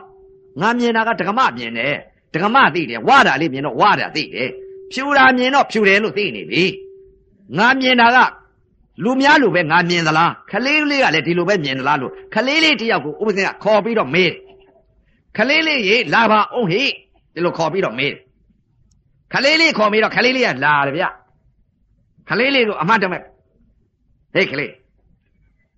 ဟောဟာအခုထိုင်းနေတဲ့ဥစ္စာဘလူလဲကွာမင်းသိလားအဲ့တော့အဲ့ဒီခလေးလေးကပဲ ခမကြီးကဗျာတဲ့မိမကြီးပါအေးကွာမိမကြီးတော့ဟုတ်ပြီအဲ့ဒီမိမကြီးဘယ်နဲ့လဲအာချောတယ်ဗျာမျက်မျက်လုံးလေးကလည်းကြီးလို့ဗျာမျက်တောင်လေးကလည်းကော့လို့ဗျာအလားကလည်းဖြူတယ်တဲ့ဝါတယ်ဝါတယ်ဗျာချောတယ်ဗျာအဲ့တော့ဥပဇင်ကတွေးမိဟောငါကမြင်တာကလည်းမိမမြင်လို့မိမသိဝါတာမြင်လို့ဝါတာသိတယ်ဖြူတာမြင်လို့ဖြူတာသိချောတာမြင်လို့ချောတာသိခလေးကလည်းမိမမြင်လို့မိမသိယောက်ျားမြင်လို့ယောက်ျားသိ ဩခလေးကလည်းဒီအသိဒီအသိဒီအမြင်ငါကလည်းဒီအသိဒီအမြင်ဘာထူးသေးလဲခလေးအသိအဲ့တော့ခလေးအသိပဲငါရှိပါသေးသလားဖယားကတော့ဟောထားတယ်သမာဓိဋ္ဌိမိစ္ဆာဒိဋ္ဌိငါမြင်တဲ့အမြင်အသိတွေကအပယ်လေးပါးကိုသွားရမယ်ကံနေပါလားမရှိတဲ့တရားတွေရှိတဲ့တရားကိုငါမသိဘူးအဲ့ဒါကြောင့်မလို့တရားဓမ္မများလည်းပဲအတိတ်ကလာတော့ကဥပဇင်းဟာ မြင်လာတဲ့အမြင်တွေဟာခလေးအမြင်ခလေးအသိပဲပါပဲပဲဖြစ်ခဲ့ပါတယ်လို့အသံနဲ့နားနဲ့ထိမှန်လိုက်တဲ့အချိန်ကဒကမတယောက်ကနေပြီးတော့အင်းထဲကနေပြီးတော့ကစုံရွက်ခုနေတဲ့အသံလေးပေါ်လာဥပဇင်းတို့ကတော်ကိုဗျအဲကစုံရွက်အင်းထဲမှာခုပြီးတော့အသံကလည်းတော်တော်ကောင်းတယ်ဗျအသံကတော်တော်ကောင်းတော့ကစုံရွက်ခုရင်ဟာတချင်းဆိုတော့အသံလေးကလည်းတဲကောင်းတယ်ဒကမအသံက ဒကမအသံကောင်းတော့ဒီဒကမအသံသာယာတော့အသံလေးကိုသာယာနေတာသာယာနေတော့အင်းထဲကလည်းဒကမကကစုံရခိုးနေပြီးတချင်းဆိုနေတော့အတန်လေးသာယာနေတယ်ခလေးကနွားချောင်းသားတယောက်ကလည်းရှိနွားချောင်းသားတယောက်ရှိတော့ဟေးနွားချောင်းသားခုနအတန်ဘာတန်လဲကွာအာခမရလည်းဗျာတဲ့ကစုံရခိုးသမားပါဗျာတဲ့ကစုံရခိုးသမားတချင်းဆိုနေတာပါတဲ့ယောက်ျားလားမိန်းမလားကွာအမိန်းမကြီးပါဗျာတဲ့ အတန်ကောင်းတယ်ဗျာတဲ့ဒီတက္ကမကြီးကတဲ့အတန်ဝါကြီးတဲ့အဲအဲ့ဒီတော့ဥပဇင်းကလည်းအတန်ဝါတယ်လို့ဝါတယ်လို့သိတက္ကမအတန်ရဲ့လို့သိခလေးလေးကလည်းဒကမအတန်ရဲလို့သိတယ်နွားချောင်းသားလေးကနွားချောင်းသားလေးကဒကမအတန်ရဲလို့သိဥပစင်းကလည်းဒကမအတန်ရဲလို့သိဒကမအတန်ကလည်းအတန်ဝါရဲလို့သိအဲ့တော့ဥပစင်းကအော်ငါလည်းပဲသိတာကခလေးသိပါလားငါကတော့ငါကုံကအထင်ကြီးတယ်လူကြီးရဲလို့လူကြီးရဲလို့ထင်မှတ်ပြီးတော့ နေလိုက်တယ်ငါသိတာကလည်းခလေးအသိပဲခလေးပါပဲလားဒီလိုဟောဆင်ញင်လိုက်အဲ့ဒီတော့အတိတ်ကလာတော့ကဒါကြောင့်မလို့အတိတ်ကလာတော့ကဒီလိုပဲမြင်လာခဲ့တယ်ဒီလိုပဲကြားလာခဲ့နန္ဒာကလည်းဒီလိုနာပုံစောနာနဲ့ချင်းစောနာနဲ့မွှေးလိုက်တာတင်လိုက်တာစားလိုက်တဲ့ချင်းကလည်းချိုးလိုက်တာချင်းလိုက်တာအရသာရှိလိုက်တာခံစားကိုယ်နဲ့အတွေ့နဲ့ထိမှန်လိုက်တဲ့ချင်းကသာရတော့အတွေ့တော့သာရတယ် မသာရတော့အတွေ့ကိုတွေ့လိုက်တော့မထိခြင်းတဲ့စိတ်တွေဖြစ်တယ်မနှောတဲ့ဓမ္မနဲ့ပေါင်းစုံလိုက်တဲ့ချင်းကသာရတော့အတိလေးသိလိုက်တော့သာရတယ်နှစ်သက်တယ်အဲ့ဒါဘုရားကဒီအတိမျိုးကတော့ကာမဒုက္ခလိကနိယောဂဆိုတဲ့အကျင့်မြုပ်တရားပဲတဲ့ဘယ်တော့မှမပေါ်ဘူးတဲ့စိတ်သာချတယ်မပေါ်တော့ဘူးတဲ့မင်းပြုတ်ထားတဲ့ကံနဲ့မင်းပဲရမယ်တဲ့မင်းပြုတ်တာကဘယ်ကံရလဲတဲ့ဘယ်ကံပြုတ်ထားလဲတဲ့မကောင်းတဲ့အာစိဏကံမျက်စိပေါက်ကလည်း အစင်းတစ်ခုပေါ်လာရင်ຢာကကံဒေါသကံမောဟကံအတန်တစ်ခုပေါ်လာပြန်တော့လေအတန်ပေါ်မှာຢာကကံရဒေါသကံရမောဟကံရအနတ်တစ်ခုပေါ်လာပြန်လဲအနတ်ပေါ်မှာຢာကကံရဒေါသကံရမောဟကံရຢာသာယုံနဲ့လျာယုံနဲ့ထိမှန်လိုက်တဲ့ချိန်ကຢာသာယုတ်ပေါ်မှာຢာကကံရဒေါသကံရမောဟကံရအတွေ့နဲ့ကိုယ်နဲ့ထိမှန်လိုက်တဲ့ချိန်ကအတွေ့ယုတ်ပေါ်မှာຢာကကံရဒေါသကံရမောဟကံရ ဓမ္မယုတ်ပေါ်မှာလေຢာကကံရဒေါသကံရမောဟကံရမင်းဒီကံနေပြုတ်ထားပြီတဲ့မင်းပြုတ်ထားတဲ့ကံမင်းမင်းပဲရမယ်တဲ့သူများမရပါဘူးတဲ့အတိတ်ကလာတော့ကဥပဒေကဒီကံနေပြုတ်ခဲ့ဒီကံနေပြုတ်ခဲ့အဲ့ဒီတော့ဒီကံနေပြုတ်ခဲ့တော့ကိုပြုတ်တဲ့ကံကိုရမယ်အဲ့ဒီတော့ဥက္ကလာပကတဂါဒဂမတွေလည်းပဲဘယ်ကံနေပြုတ်ကြတယ်လဲကိုစိတ်ကိုစိတ်ကြပေါ့ဥပဒေအတိတ်ကလာတော့ကပြုတ်တဲ့ဒီပြုတ်တယ်လို့ တကား6ပေါက်ကအာယုံနောက်ကိုလိုက်ပြီးဒလဇာကြီးခံစားနေတဲ့ကံနေများဖြစ်နေကြသလားလို့ဒီလိုကံနေဖြစ်နေလို့ရှိရင်စိတ်သာချပါတော့ရေစုံမျောပြီဘာကြောင့်လဲတဲ့သေဂာနိဆဲဆဲကိုပြုတ်ထားတဲ့ကံကိုရတော့မယ်မှကိုဆောက်လုပ်ထားတဲ့အိမ်ကိုနေကြရမယ်မှဘာကြောင့်လဲတဲ့ကိုဆောက်လုပ်ထားတဲ့အိမ်ကိုနေရကိုပြုတ်တဲ့ကံကိုရမယ်သူများတော့မရဘူးအခုကိုဆောက်လုပ်ထားတဲ့အိမ်ကိုနေရနေကြတယ်မဟုတ်လားကိုပြုတ်တဲ့ကံကိုရမယ်အဲ့တော့ ဒါနကုသိုလ်ကံပြုတ်ရင်လည်းဒါနကုသိုလ်ကံရသီလကုသိုလ်ကံပြုတ်လည်းသီလကုသိုလ်ကံရအဲ့ဒါဒါကြောင့်မလို့ဥပဇင်းတို့အတိတ်ကပြုတ်တဲ့ကံတွေဟာမကောင်းတဲ့အာစိန်ကံတွေပြုတ်လာတယ်အဲ့တော့မကောင်းတဲ့အာစိန်ကံတွေပြုတ်လာတော့ကြောင်းသွားပြန်တော့ရောတဲ့ဒါနကုသိုလ်ကံလေးရံခါရံခါသီလကုသိုလ်ကံလေးရံခါသမထကုသိုလ်ကံလေးတော့ရံခါအဲ့ဒီအကုသိုလ်ကံအပယ်လေးပါသွားတဲ့မကောင်းတဲ့အာစိန်ကံတွေတော့ 24နာရီရှိတဲ့အနက်ကဒလဇာကြီးလှေတွေသင်္ဘောတွေလေမြန်နေတဲ့တင်လို့မကုန်နိုင်ဘူးဒီကံတွေကိုဖြစ်နေအဲ့ဒီကံတွေကအားသာတယ်ဒါကြောင့်မလို့တက္ကရာကမများဒါနကုသိုလ်ကံသီလကုသိုလ်ကံသမထကုသိုလ်ကံချိန်ဝင်တစ်ဖက်တည်းထက်အခုပြောတဲ့အကုသိုလ်ကံယာကဒေါသမောဟကံကချိန်ဝင်တစ်ဖက်တည်းထက်အဲ့ဒီချိန်ဝင်ဘောင်ကျတဲ့ဘက်ကိုသွားကြလိမ့်မယ်လို့ဒါကြောင့်မလို့အခုဟာသာသနာကြီးပွင့်လင်းတဲ့အချိန်ခါမြတ်စွာဘုရားသာသနာမှီတဲ့အချိန်ခါ သာသနာကိုကြောမခိုင်းရတယ်သာသနာကိုကြောခိုင်းလို့ရှိလို့ရှိရင်ဖြင့်ဓမ္မတာလေးတွေနဲ့နေတဲ့ပုံကိုမှန်သမျှကတော့ရေစုံကိုမျောကြပါတော့မယ်လို့အဲသာသနာကိုကြောမခိုင်းကြပါနဲ့လို့သာသနာကြောခိုင်းတာပါလေတဲ့သာသနာကြောခိုင်းတာကဘုရားကတော့ဗုဒ္ဓဘာသာဗုဒ္ဓဘာသာအမိခံတယ်ဗုဒ္ဓဘာသာဆိုတာဗုဒ္ဓဆိုတာဘုရားဘာသာဆိုတာဘုရားအယူဝါဒ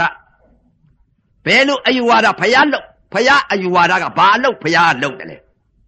ဖယားသမီးတဲ့ဖယားသားတဲ့ဖယားသမီးကဘယ်ဟာအလုပ်ကိုလုပ်တာတော့ဖယားသားကဘယ်ဟာအလုပ်ကိုလုပ်တာတော့ဖယားသမီးဖယားသားဆိုတော့ဖယားအလုပ်လုပ်မှဖယားသမီးဖယားသားဖြစ်ဖယားအလုပ်မလုပ်လို့ရှိရင်ဖယားသမီးလည်းမဟုတ်ဖယားအလုပ်မလုပ်လို့ရှိရင်ဖယားသားလည်းမဟုတ်ပြောတော့ဖြင့်ဗုဒ္ဓဘာသာဟိဗုဒ္ဓဘာသာဆိုလို့ရှိရင်ဖြင့်သာသနာဘယ်တော့မှကြောမခိုင်းဘူး အခုဟာဘာလဲတဲ့ဘယ်သာသနာလဲတဲ့မြတ်စွာဘုရားဤဂေါရမမြတ်စွာဘုရားဤသာသနာ9000ထားခဲ့တယ်2500ကုန်သွားပြီအခု2500ကျန်သေးတယ်2500ကျန်သေးတော့မြတ်စွာဘုရားဤသာသနာတပတ်ပြန်လှည့်လာတယ်ဝိမု ക്തി ခေအနတ္တသာသနာတပတ်ပြန်လှည့်တပတ်ပြန်လှည့်လာတော့ဒါကြောင့်မလို့တရားဓမ္မများကျင့်ညာအထုတ်ကြပါလို့အဲဓမ္မဒါလေးတွေနဲ့ တင်းတိမ်ပြီးတော့မနေကြပါနဲ့လို့ဓမ္မဒါဒါနကဓမ္မဒါဒါနရဲ့ဓမ္မဒါသီလရဲ့ဓမ္မဒါဘာဝနာရဲ့ဒါလေးတွေနဲ့တင်းတိမ်မနေနဲ့လို့အပေမလွတ်ဘူးလို့ဘာကြောင့်လဲတဲ့ဥပဇင်အတိတ်ကလာတော့ကဓမ္မဒါဒါနတွေပြုတ်ခဲ့တာလည်းများတယ်ဓမ္မဒါသီလတွေရံကရံကလွတ်ခဲ့တာလည်းများခဲ့သီလဆောက်တည်ခဲ့ကြောင်းသွားဆောက်တာတော့မှဘုရားဟောထားတယ်ဒါနတောင်မှသီလတဲ့ကျောင်းမှာဥပဇင်းတို့ ဒီမှာတော့မပြောတတ်ပါဘူးလေဥပဇင်းတို့နှောကုန်းမှာဘာတွေဖြစ်ကြလဲတဲ့သီလစောက်တည်တဲ့အချိန်ခါတောင်မှစင်ကြယ်တဲ့သီလမဖြစ်ခဲ့တာပြောပြမယ်နော်ဥပဇင်းတို့နှောကုန်းမှာကျောင်းကြီးကျောင်းလေးရှိကျောင်းကြီးမှာသွားပြီးတော့သီလစောက်တည်တဲ့အချိန်ခါကျတော့ဥပဇင်းတို့နှောကုန်းဆိုတာကအညာသားတွေဗျအညာသားတွေဆိုတော့ဘာလဲငကုံသေးတွေဘယ်လိုငကုံသေးငကုံသေးတွေကပေါ်တာကိုအထက်မှာရွှေဘိုသားတွေများတယ်ဥပဇင်းတို့ အထက်သားတွေအဲ့တော့ဥပဇင်းတို့တောမြို့တောရွာကြီးဆိုတော့ငကုံသေးလယ်သမားတွေပေါ့ဗျာခြံနေစိုက်တဲ့ပုံကိုယ်တွေပေါ့ဗျာပဲပြုတ်ရောင်းတဲ့ပုံကိုယ်တွေပေါ့ဗျာငစိမ်းရောင်းတဲ့ပုံကိုယ်တွေပေါ့ဗျာလယ်လုတ်တဲ့ပုံကိုယ်တွေပေါ့ဗျာငကုံရငကုံသေးတွေပေါ့နွားရောင်းတဲ့ပုံကိုယ်တွေပေါ့ဗျာအဲ့ဒီပုံကိုယ်တွေရှိအဲ့တော့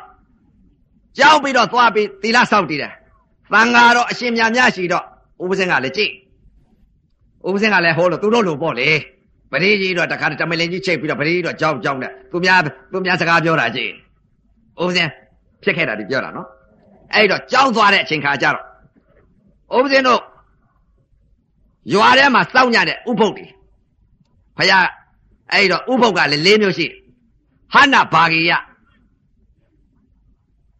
ဝိသေသဘာဂိယတိလှတဲ့ဟာနာဘာဂိယတိလှတဲ့ထေသိဘာဂိယတိလှတဲ့ နိဗ္ဗိန္ဒဘာဂိယတိလှတဲ့သီလတွေကလည်းအမျိုးမျိုးရှိအဲ့တော့ဥပဇင်အခုမှသိလာတဲ့သီလတွေကိုဘယ်သီလကမြတ်တယ်ဘယ်သီလကမြတ်တယ်ဆိုတော့သီလတွေကိုသိလာကျောင်းသွားပြီးစောက်တည်တဲ့အချိန်ခါကျတော့တန်ဃာတော်အရှင်များများရှိတော့တောင်းလိုက်ကြတယ်ဓမ္မတာသီလတွေအဲ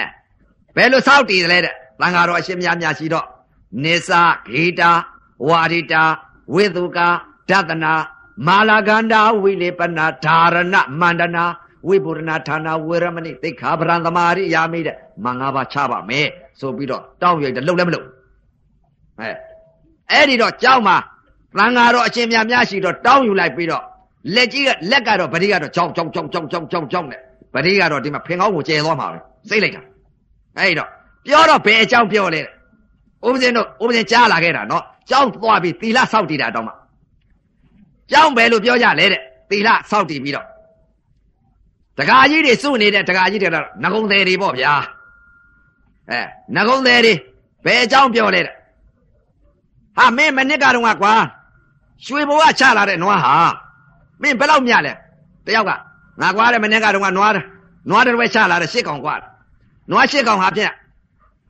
ဟောကနွားရွှေဘဝချလာတဲ့နွားဟာဖြင့်ကွာတဲ့တကောင်ကို100အစိတ်ပေးရတယ်ကွာတဲ့ငါဒီကြတော့250ရောင်းလိုက်တာပဲကွာတဲ့ နွားတွေပဲချလာတဲ့ဥစ္စာက1500လောက်အရင်ရအရင်ဖြစ်တယ်ကွာတဲ့4000လောက်ရတယ်ကွာတဲ့အေးကွာငါတော့ရှုံးတယ်ကွာဘာကြောင့်ရှုံးလဲတဲ့နွားဝယ်လာတဲ့ဥစ္စာ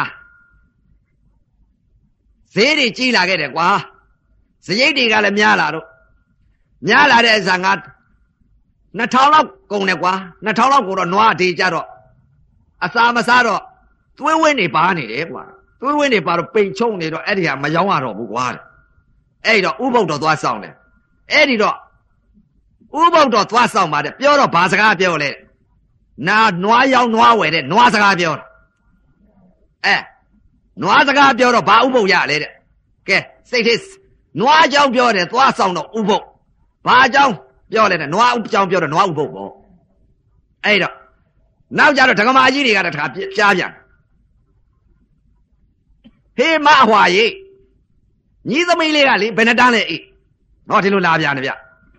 ငါသမီးလေးကအေးအခုတော့ဆနတန်းအေးဆနတန်းဝိဇ္ဇာတန်းပေါ့အေးငါသမီးလေးကအေးအေးငါသမီးကတော့အေး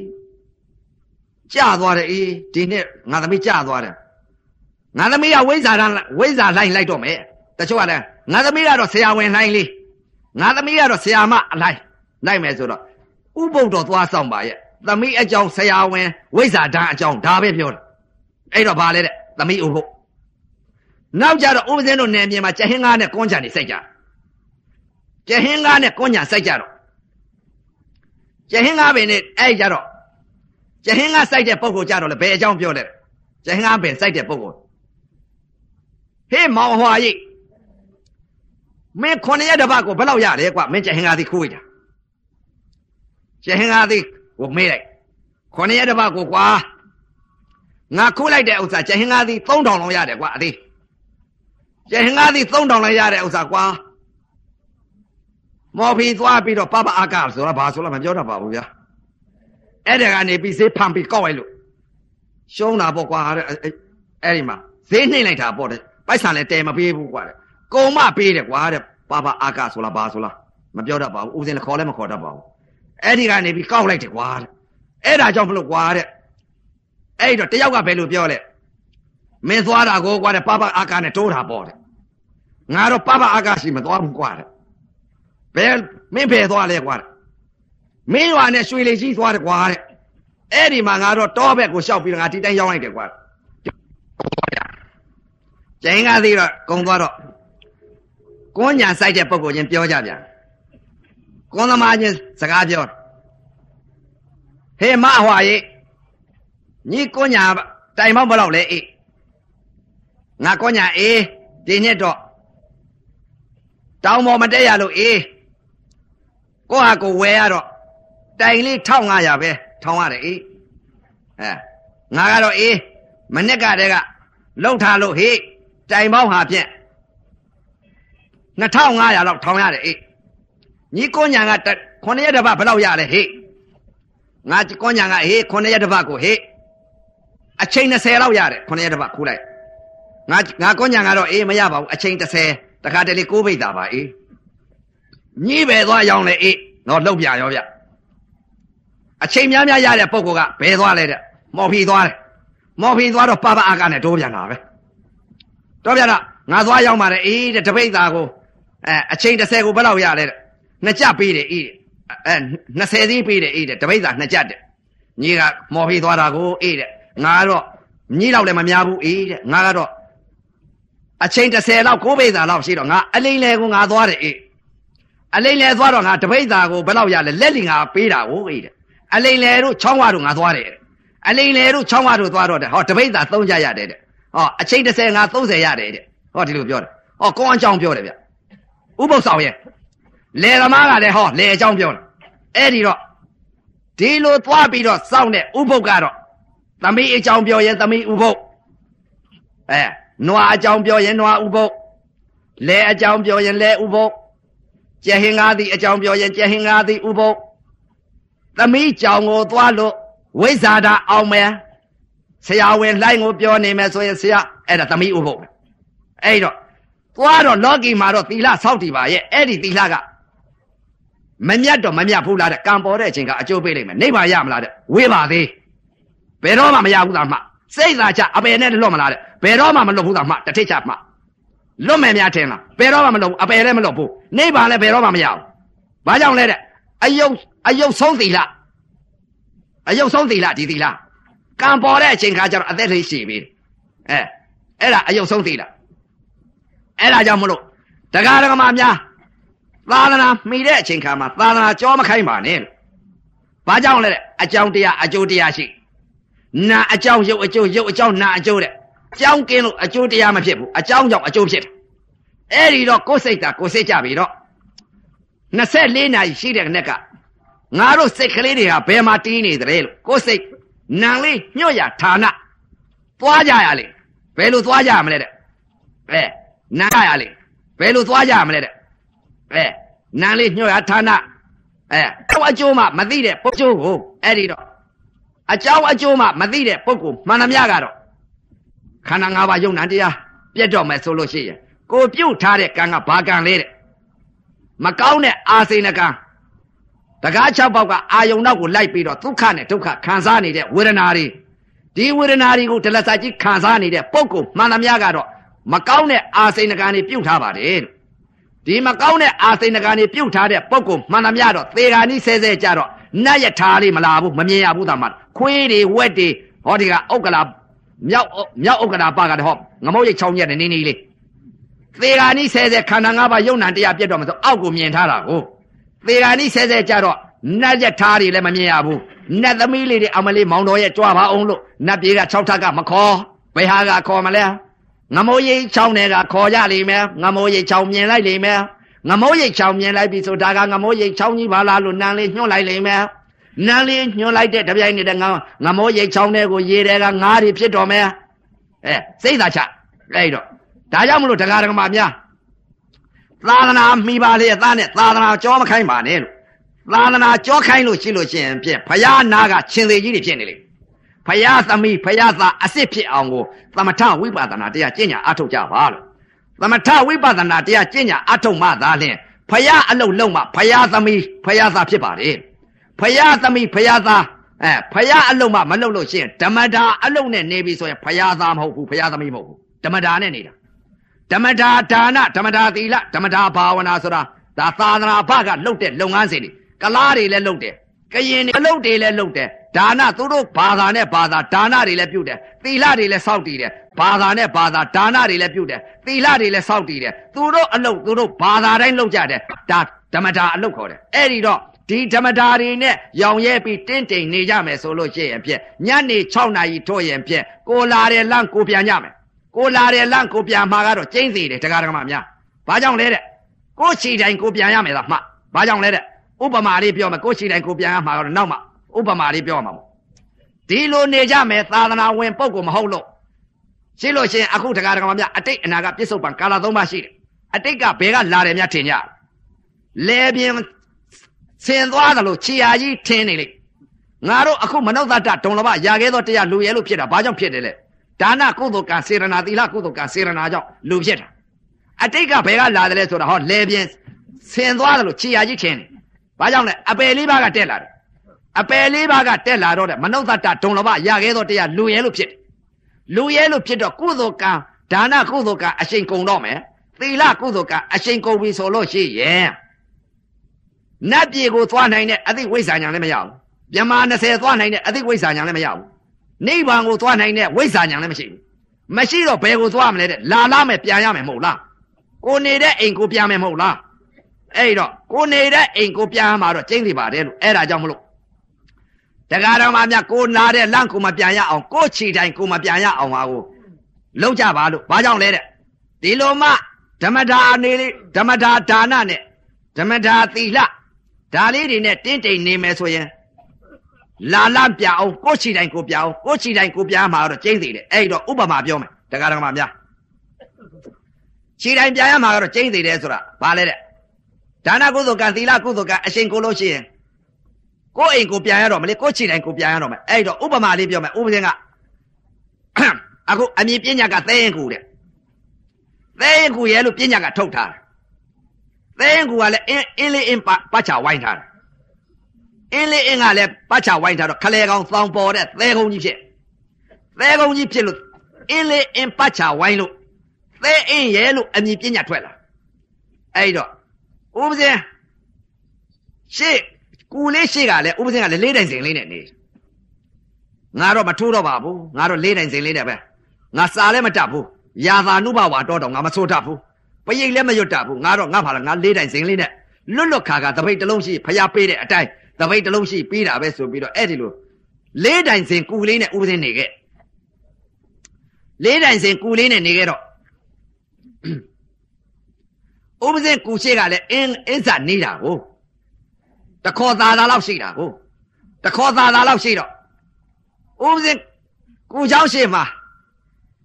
ဥပဇင်းကူရှိကအင်းကြီးကလည်းဓာတ်တွေကပေါ်တယ်ဗျဓာတ်တွေပေါ်တော့ဥပဇင်းကူချောင်းထိတ်က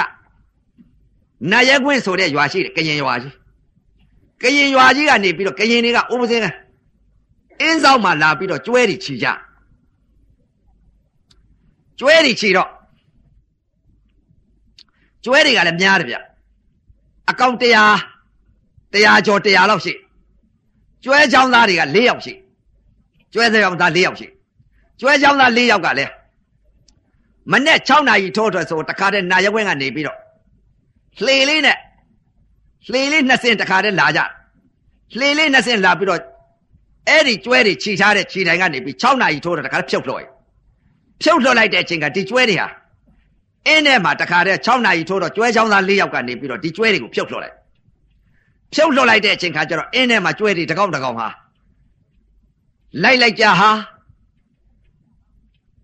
စားလိုက်ကြဟာလူခတ်ပြီးစားလိုက်ကြဟာတကောင်တကောင်ခတ်လိုက်ကြဟာ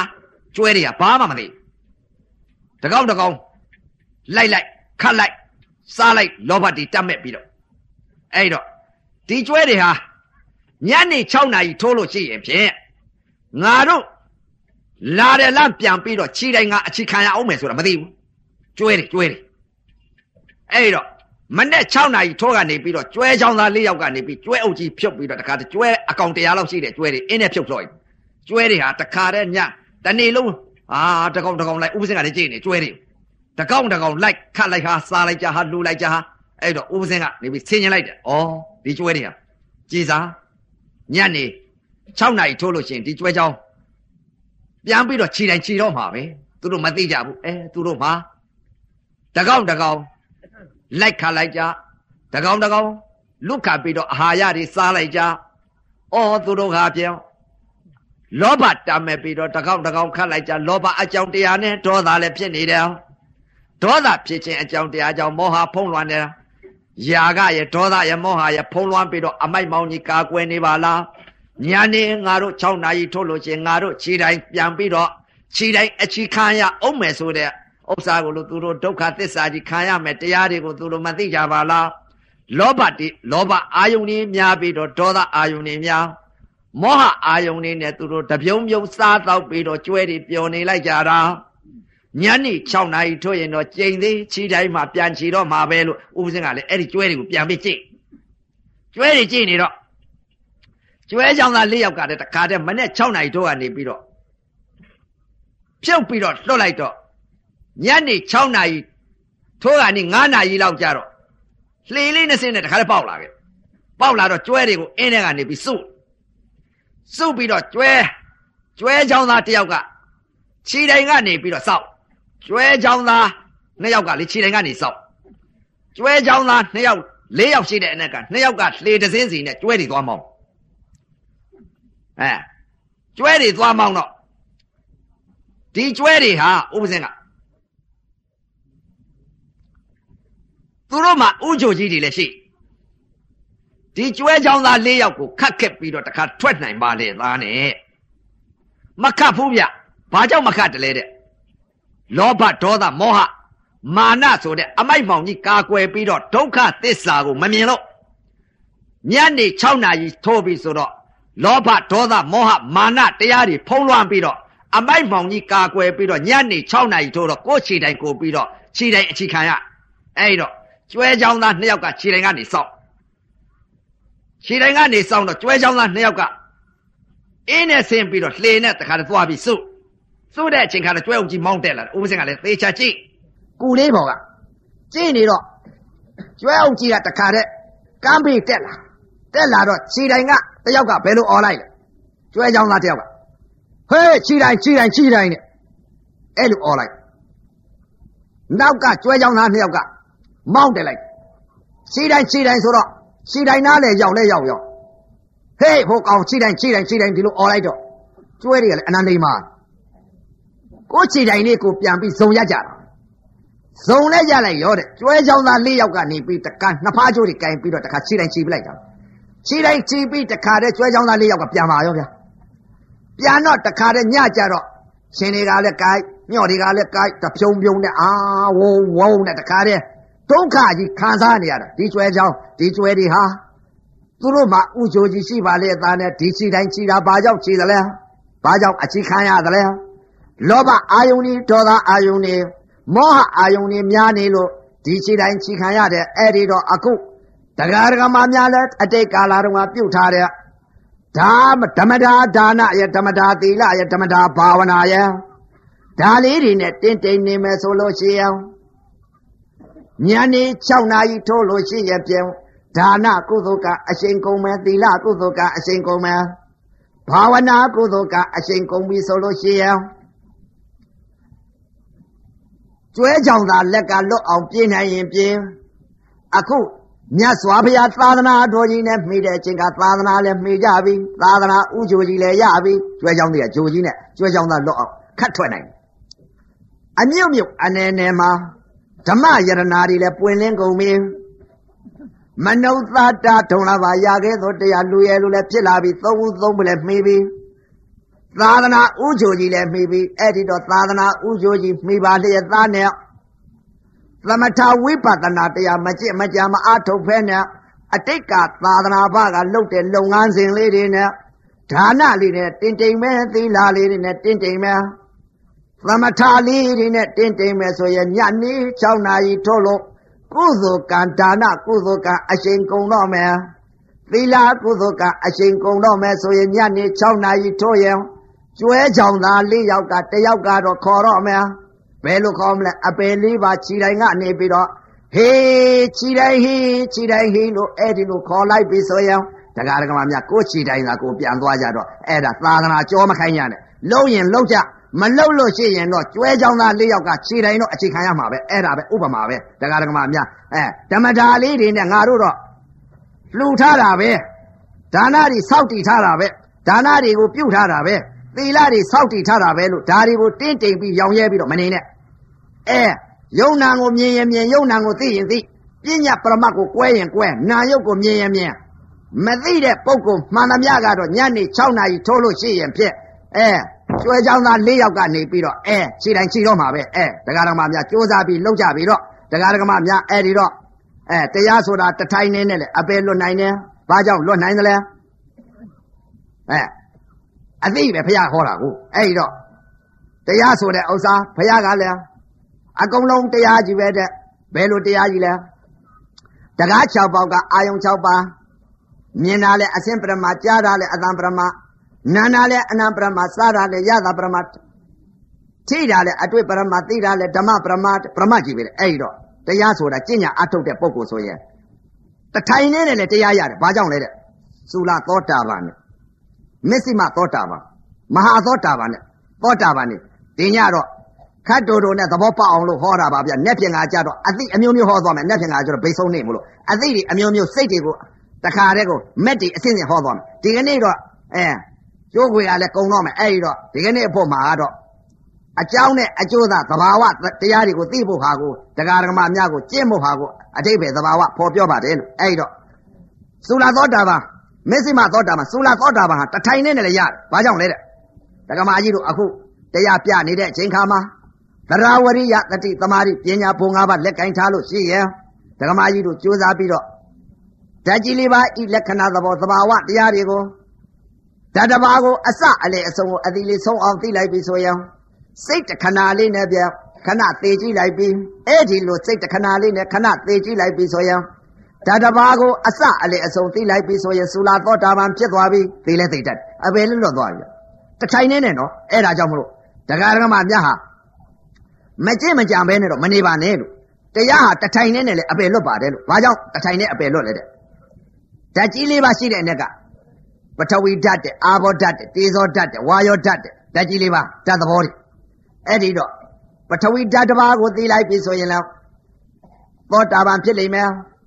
အာဘောဓာတ်တစ်ပါးကိုသိလိုက်ပြီဆိုလည်းသောတာပန်ဖြစ်လိမ့်မယ်တေဇောဓာတ်တစ်ပါးကိုသိလိုက်ပြီဆိုလည်းသောတာပန်တည်လိမ့်မယ်ဝါယောဓာတ်တစ်ပါးကိုသိလိုက်ပြီဆိုရင်လည်းသောတာပန်တည်လိမ့်မယ်ဓာတ်ကြီးလေးပါတစ်ပါးပါးကိုသိသွားပြီဆိုဓာတ်ဤသဘောကိုအခုကဒီကနေ့အဖို့မှာကျိုးခွေရလဲဆုံးကနေလို့ဓာတ်ကြီးလေးပါဤသောတာပန်လေးစားဟောသွားမယ်အတူချုံကိုအဲ့ဒီတော့ဓာတ်သဘောကိုဟောမယ်နေ့ဖြင့်ကကြတော့အစင်းစင်ဟောသွားမယ်အဲ့ဒီတော့ ဓာတ်ကြီးလေးပါပထဝီဓာတ်အာဘောဓာတ်သေဇောဓာတ်ဝါယောဓာတ်အဲ့ဒီတော့သောတာပန်ညညင်းဖို့မလိုဘူး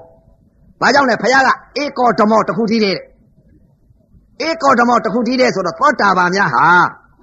ဓာတ်သောတာပန်နေနော်အနုဇာသောတာပန်နေဟောမှာဟုတ်ဓာတ်သောတာပန်နေအကြောင်းအကျိုးပြတ်နိုင်တဲ့သောတာပန်ကြီးမဟုတ်ဘူးဧကဘိဇဆိုတဲ့သောတာပန်ကြီးတွေမဟုတ်ဘူးအကြောင်းအကျိုးပြတ်တဲ့သောတာပန်ကြီးမဟုတ်ဘူးဒါကဓာတ်တစ်ပါးကိုသောတာပန်အဲ့တော့ပထဝီဓာတ်ဤ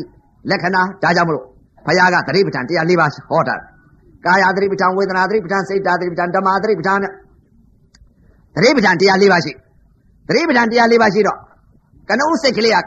အာနာပါနတတိယူလိုက်အဲဓာတ်ဤသောတာပန်ကိုဟောခြင်းလို့အစ္ဆတသန္တန်ကတွန်းလိုက်တဲ့ဝါယောဓာတ်ဤသဘောဓာတ်ဤသဘောကိုသိလိုက်ဓာတ်ကိုသဘောဒါ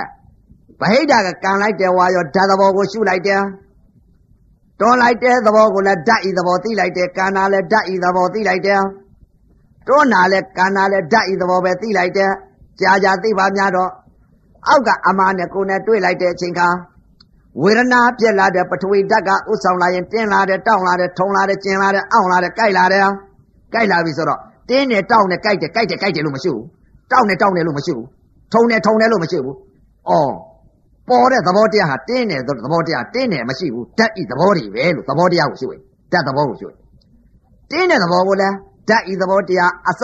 တင်းတာကိုလည်းအစအလေအစုံဓာတ်ဤအစအလေအစုံအသီလေးဆုံးအောင်လိုက်လိုက်တယ်ထုံတဲ့သဘောကြပြန်လဲဓာတ်ဤသဘောကိုရှုပြီးတော့အစအလေအစုံလိုက်လိုက်တယ်ဓာတ်ကိုရှုလိုက်ဓာတ်သဘောကိုသူကရှုဓာတ်ဤသောတာပန်ကိုနာသီပြာကြပြန်တော့လဲအစ္ဆတသဏ္ဍာန်ကတွန်းနေဝါရောဗဟိတကကံပို့လိုက်တယ်ဝါရော တွန်းနာလဲဓာတ်သဘောကိုရှုလိုက်တယ်ကံနာလဲဓာတ်သဘောကိုရှုလိုက်တယ်ဓာတ်ကြီးလေးပါဤဖောက်ပြန်လာတော့ပထဝီဓာတ်ဖောက်ပြန်လာတော့တင်းနာဖောက်ပြန်ပြန်တောင်းနာဖောက်ပြန်ပြန်ဓာတ်ဤသဘောကိုအစအလေအဆုံးအသီလေးဆုံးအောင်လိုက်လိုက်တယ်တင်းနာပေါ်လဲဓာတ်ဤသဘောပဲအစအလေဆုံးထုံနာပေါ်လဲဓာတ်ဤသဘောကျင်နာပေါ်လဲဓာတ်ဤသဘောကြိုက်တာပေါ်လဲဓာတ်ဤသဘောဓာတ်ဤသဘောကိုရှုလိုက် အဲ့ဒီဓာတ်ဤသဘောရှုလိုက်တော့ပထဝီဓာတ်တစ်ပါးကုံစင်အောင်သူကသိလိုက်ပထဝီဓာတ်တစ်ပါးကိုကုံစင်အောင်သိလိုက်တော့ပထဝီဓာတ်တစ်ပါးကုံစင်သွားတော့အာဘောလည်းမပါဘူးလားတဲ့ပါတယ်ဗျအကြောင်းအကျိုးပဲအာဘောလည်းပါတယ်တေဇောလည်းပါတယ်ဝါယောလည်းပါတယ်ဓာတ်ကြီးလေးပါသူကပထဝီပထဝီဓာတ်ဤသဘောကိုလက္ခဏာတစ်ပါးကိုမြင်လိုက်တဲ့သောတာပန်ပထဝီဓာတ်သောတာပန်အဲ့ဒီတော့ပထဝီဓာတ်တစ်ပါးကိုသူကကုံစင်အောင်တခါတည်းသိလိုက်တယ်တင်းတဲ့သဘောကိုကုံစင်အောင်သိလိုက်တယ်တောင်းတဲ့သဘောကိုလည်းကုံစင်အောင်သိလိုက်တယ်ဓာတ်ကိုသိတာထုံတာလည်းသိလိုက်တယ် ကျင်တာလည်းသိလိုက်တယ်အောင့်လာတာလည်းသိလိုက်တယ်ကြိုက်လာတာလည်းသိလိုက်တယ်ပထဝီဓာတ်ကုံသွား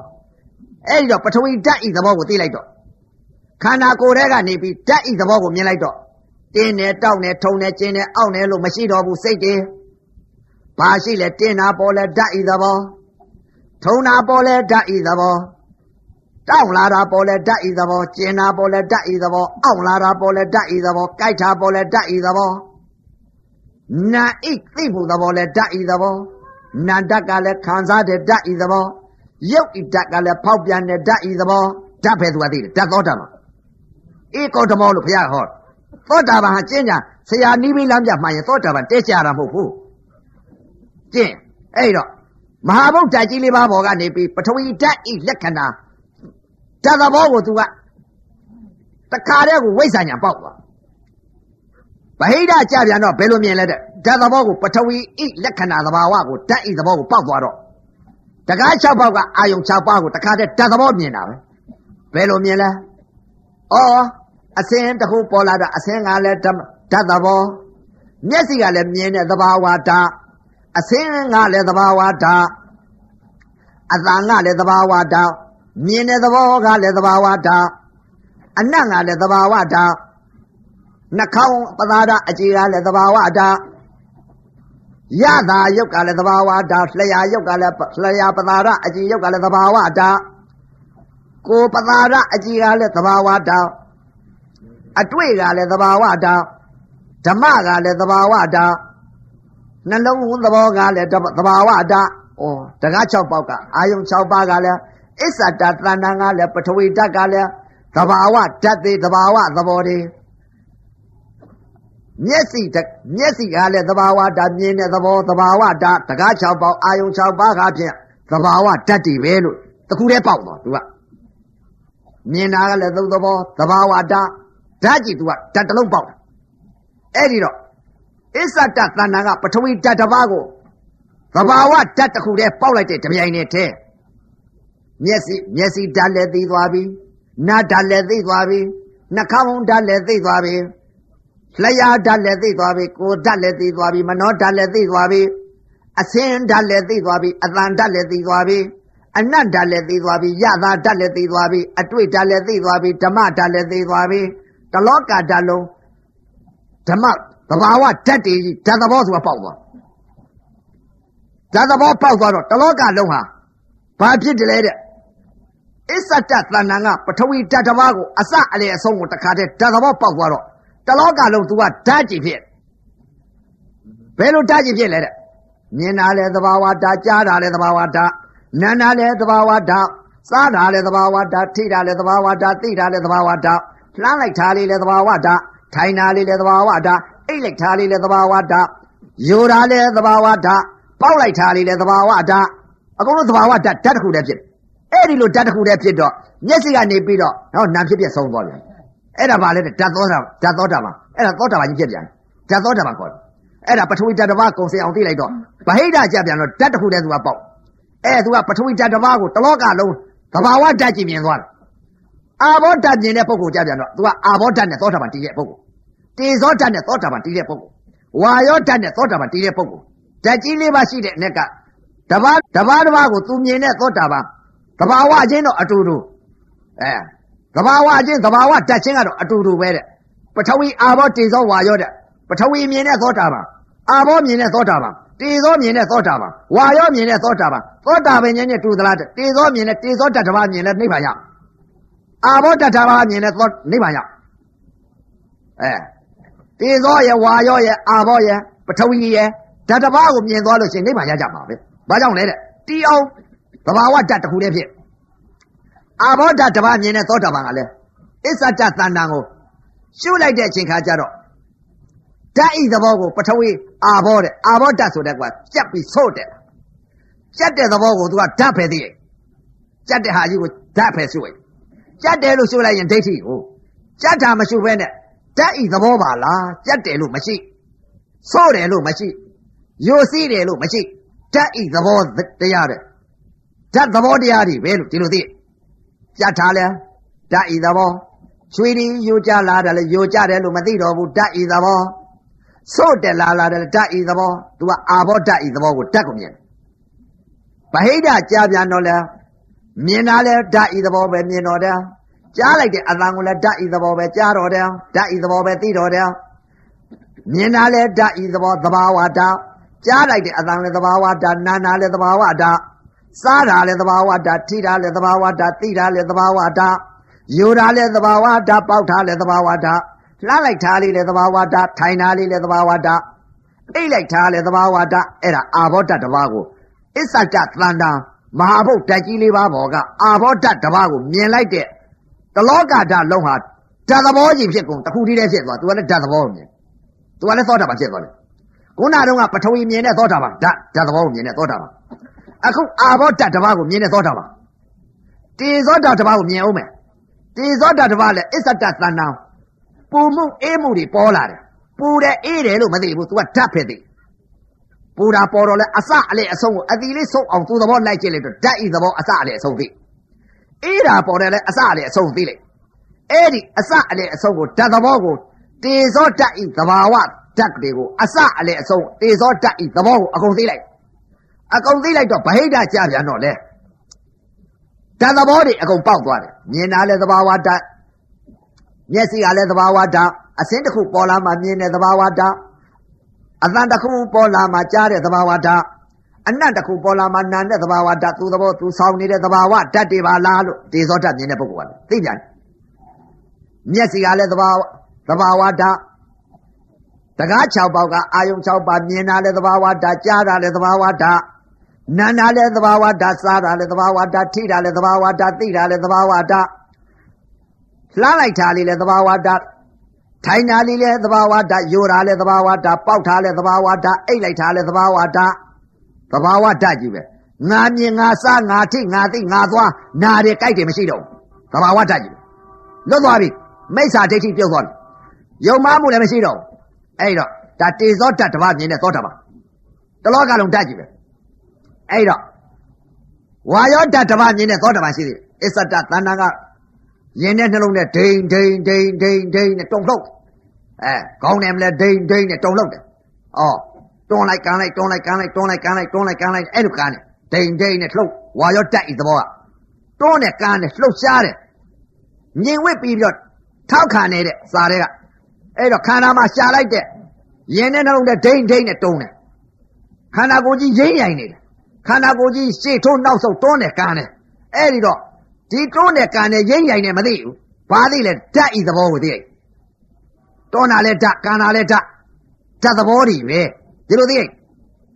तू ကဓာတ်သဘောသိတဲ့ရုပ်သဘောကိုသိတဲ့ရုပ်သဘာဝကိုသိတဲ့သောတာပန်နာမ်သဘာဝကိုသိတာမဟုတ်သေးဘူးရုပ်သဘာဝရုပ်ဓာတ်ကိုသိတဲ့သောတာပန်အဲဒါကြောင့်မလို့ तू ကဝါရောရုပ်ဤဓာတ်သဘောကိုသိလိုက်တာ အဲ့တော့ခန္ဓာကိုယ်ကြီးလှုပ်ရှားတာလဲဓာတ်သဘောပဲသိလိုက်တယ်ကန္နာလဲဓာတ်သဘောငြိမ့်နေတာလဲဓာတ်သဘောတွန်းကန်နေတာလဲဓာတ်သဘောတုံလှုပ်နေတာလဲဓာတ်သဘောရားတာလဲဓာတ်သဘောဓာတ်ကြီးပဲသူတဲ့ရားတယ်ရိမ့်တယ်ရိုင်းတယ်တွန်းတယ်ကန်တယ်လို့စိတ်တွေမဖြစ်တော့ဘူးအဲ့ဒီစိတ်ဓာတ်သင်္ခါရတွေချုပ်ဓာတ်ကြီးပဲသူကဝါရောဓာတ်သဘောကိုအဲ့ဒီတော့အစ္ဆဒတန်ဏံကနေပြီးဝါရောဓာတ်တစ်ပါးမြင်လိုက်တဲ့တပြိုင်နက်တည်းဗိဓာကြပြန်တော့လဲဓာတ်သဘောပဲမြင်တော့မျက်စိကလည်းသဘာဝဓာတ် အသင်းကလည်းသဘာဝဓာတ်အသံကလည်းသဘာဝဓာတ်ကြားတာကလည်းသဘာဝဓာတ်နာနာကလည်းအနတ်ကလည်းသဘာဝဓာတ်နာနာကလည်းသဘာဝဓာတ်ရတာကလည်းသဘာဝဓာတ်စားလိုက်တဲ့လျှာကလည်းသဘာဝဓာတ်ကိုယ်ကလည်းသဘာဝဓာတ်အတွေ့ကလည်းသဘာဝဓာတ်ဓမ္မကလည်းသဘာဝဓာတ်ကိုယ်ကလည်းမနောကလည်းသဘာဝဓာတ်ဒီလိုကုန်းသဘာဝဓာတ်ကြီးအဲ့ဒီတကား6ပေါက်အာယုံ6ပါးသဘာဝဓာတ်ကြီးဖြစ်တယ်အစလေးကတော့တူသလားတဲ့ ပထဝီအစအလေအဆုံးပထဝီဓာတ်တစ်ပါးဓာတ်ပေါက်သွားတဲ့ပုဂ္ဂိုလ်အာဘောဓာတ်ပေါက်သွားတဲ့ပုဂ္ဂိုလ်တေဇောဓာတ်ပေါက်သွားတဲ့ပုဂ္ဂိုလ်ဝါယောဓာတ်ပေါက်သွားတဲ့ပုဂ္ဂိုလ်အဲ့ဒီဓာတ်သောတာပန်နေပြောတာအဲ့ဒီသောတာပန်လေးဦးကဲဆိုင်ရဆိုညင်းညဆိုရဲ့ညင်းတယ်ဆိုတဲ့ဥစ္စာကစာသမားတွေညင်းတာသောတာပန်ညင်းပြီတော့မညင်းဘူးဘာကြောင့်လဲတဲ့ပထဝီဓာတ်မြင်တဲ့သောတာပန်ရဲ့အာဘောဓာတ်မြင်တဲ့သောတာပန်ရဲ့ တေဇောဓာတ်မြင်တဲ့သောတာပန်ရဲ့ဝါယောဓာတ်မြင်တဲ့သောတာပန်ရဲ့ဓာတ်ကြီးလေးပါးတဘာဘာကိုမြင်ပြီးတော့ဓာတ်ကြီးလေးပါးကိုမြင်တဲ့သောတာပန်ကြီးလေးဦးကဲဖိုကနောက်ဆိုင်ပြီးတော့တခါတည်းတရားဆွေးနွေးကြဆိုရဲ့တရားကမေးလိုက်တယ်ပထဝီဓာတ်ပထဝီဓာတ်သောတာပန်ကဝါယောသောတာပန်ကိုမေးလိုက်တယ်အာအသင်ဘယ်လိုလုပ်ရှုလဲအာကျုပ်ကတော့ခန္ဓာတွေကနေပြီးအာလှုပ်ရှားတွန်းကန်လာတယ် ဓာတ်တွေပဲတွေ့တာပဲဓာတ်ဘောတလောကလုံးဓာတ်ကြီးပါပဲဗျာအာဒီကပထဝီကိုမြင်တဲ့သောတာပန်ကလည်းတင်းနဲ့တောင်းတယ်လို့သူကဓာတ်မြင်တော့သူကလည်းပဲတလောကလုံးဓာတ်ကြီးမြင်တော့သိပြီသောတာပန်ကြီးဟောသူကထွက်လာတဲ့အသံကိုသိပြီဒီကထွက်တဲ့အသံလည်းသိပြီအော်သူကလည်းမသူမြင်တာလည်းဓာတ်သဘောပဲဝါရောမြင်တဲ့သောတာပန်ဒီကပထဝီမြင်တဲ့သောတာပန်သောတာပန်လေးဦးဆိုင်ပြီးတော့ဖို့တခါတည်းဆိုင်ပြီးပြောလိုက်တဲ့အချိန်ကကျုပ်ကလည်းပဲတလောကလုံးမှာခန္ဓာကိုယ်တွေကပူတဲ့ဥစ္စာဓာတ်တွေပဲ ဓာတ်သဘောတေဇောဓာတ်တွေပဲအေးတဲ့တေဇောဓာတ်ပူတဲ့တေဇောဓာတ်အဲ့ဒီဓာတ်သဘောပဲသိတာပဲတလောကလုံးကျုပ်ကဓာတ်တွေပဲဗျာဒီလိုမျိုးအာဘောကြက်ဆို့ပြီးယိုစီးလာတဲ့ပုံကိုကြပြန်တော့တလောကလုံးသူကလည်းအစ္ဆတကြက်တာတွေယိုစီးတာတွေဆို့တက်လာတဲ့ဓာတ်တွေပဲသူကလည်းဓာတ်တွေပဲအကုန်ပြောလိုက်တယ်အဲ့ဒီဓာတ်ကြီးလေးပါတစ်ပါးပါးကိုမြင်ပြီးတော့လေးယောက်ဆိုင်ပြီးတော့ခေါင်းချင်းဆိုင်ပြီးတော့ဆွေးနွေးလိုက်တဲ့အချိန်က တလောကလုံးသဘာဝတစ်ခုတည်းဓာတ်တစ်ခုတည်းဖြစ်ညင်းဖို့လိုသေးလားအဲညင်းလို့ရှိရင်ဖြစ်မဟုတ်လို့သာမှတ်တော့သောတာပန်ညင်းညင်းဖို့မလိုဘူးအတန်လုံးထွက်လာရင်သိဖို့အရေးကြီးတယ်အဲ့ဒီတော့ပထဝီသောတာပန်အာဘောသောတာပန်တိဇောသောတာပန်ဝါယောသောတာပန်ဓာတ်ကြီးလေးပါရှိတယ်သောတာပန်ကြီးတွေ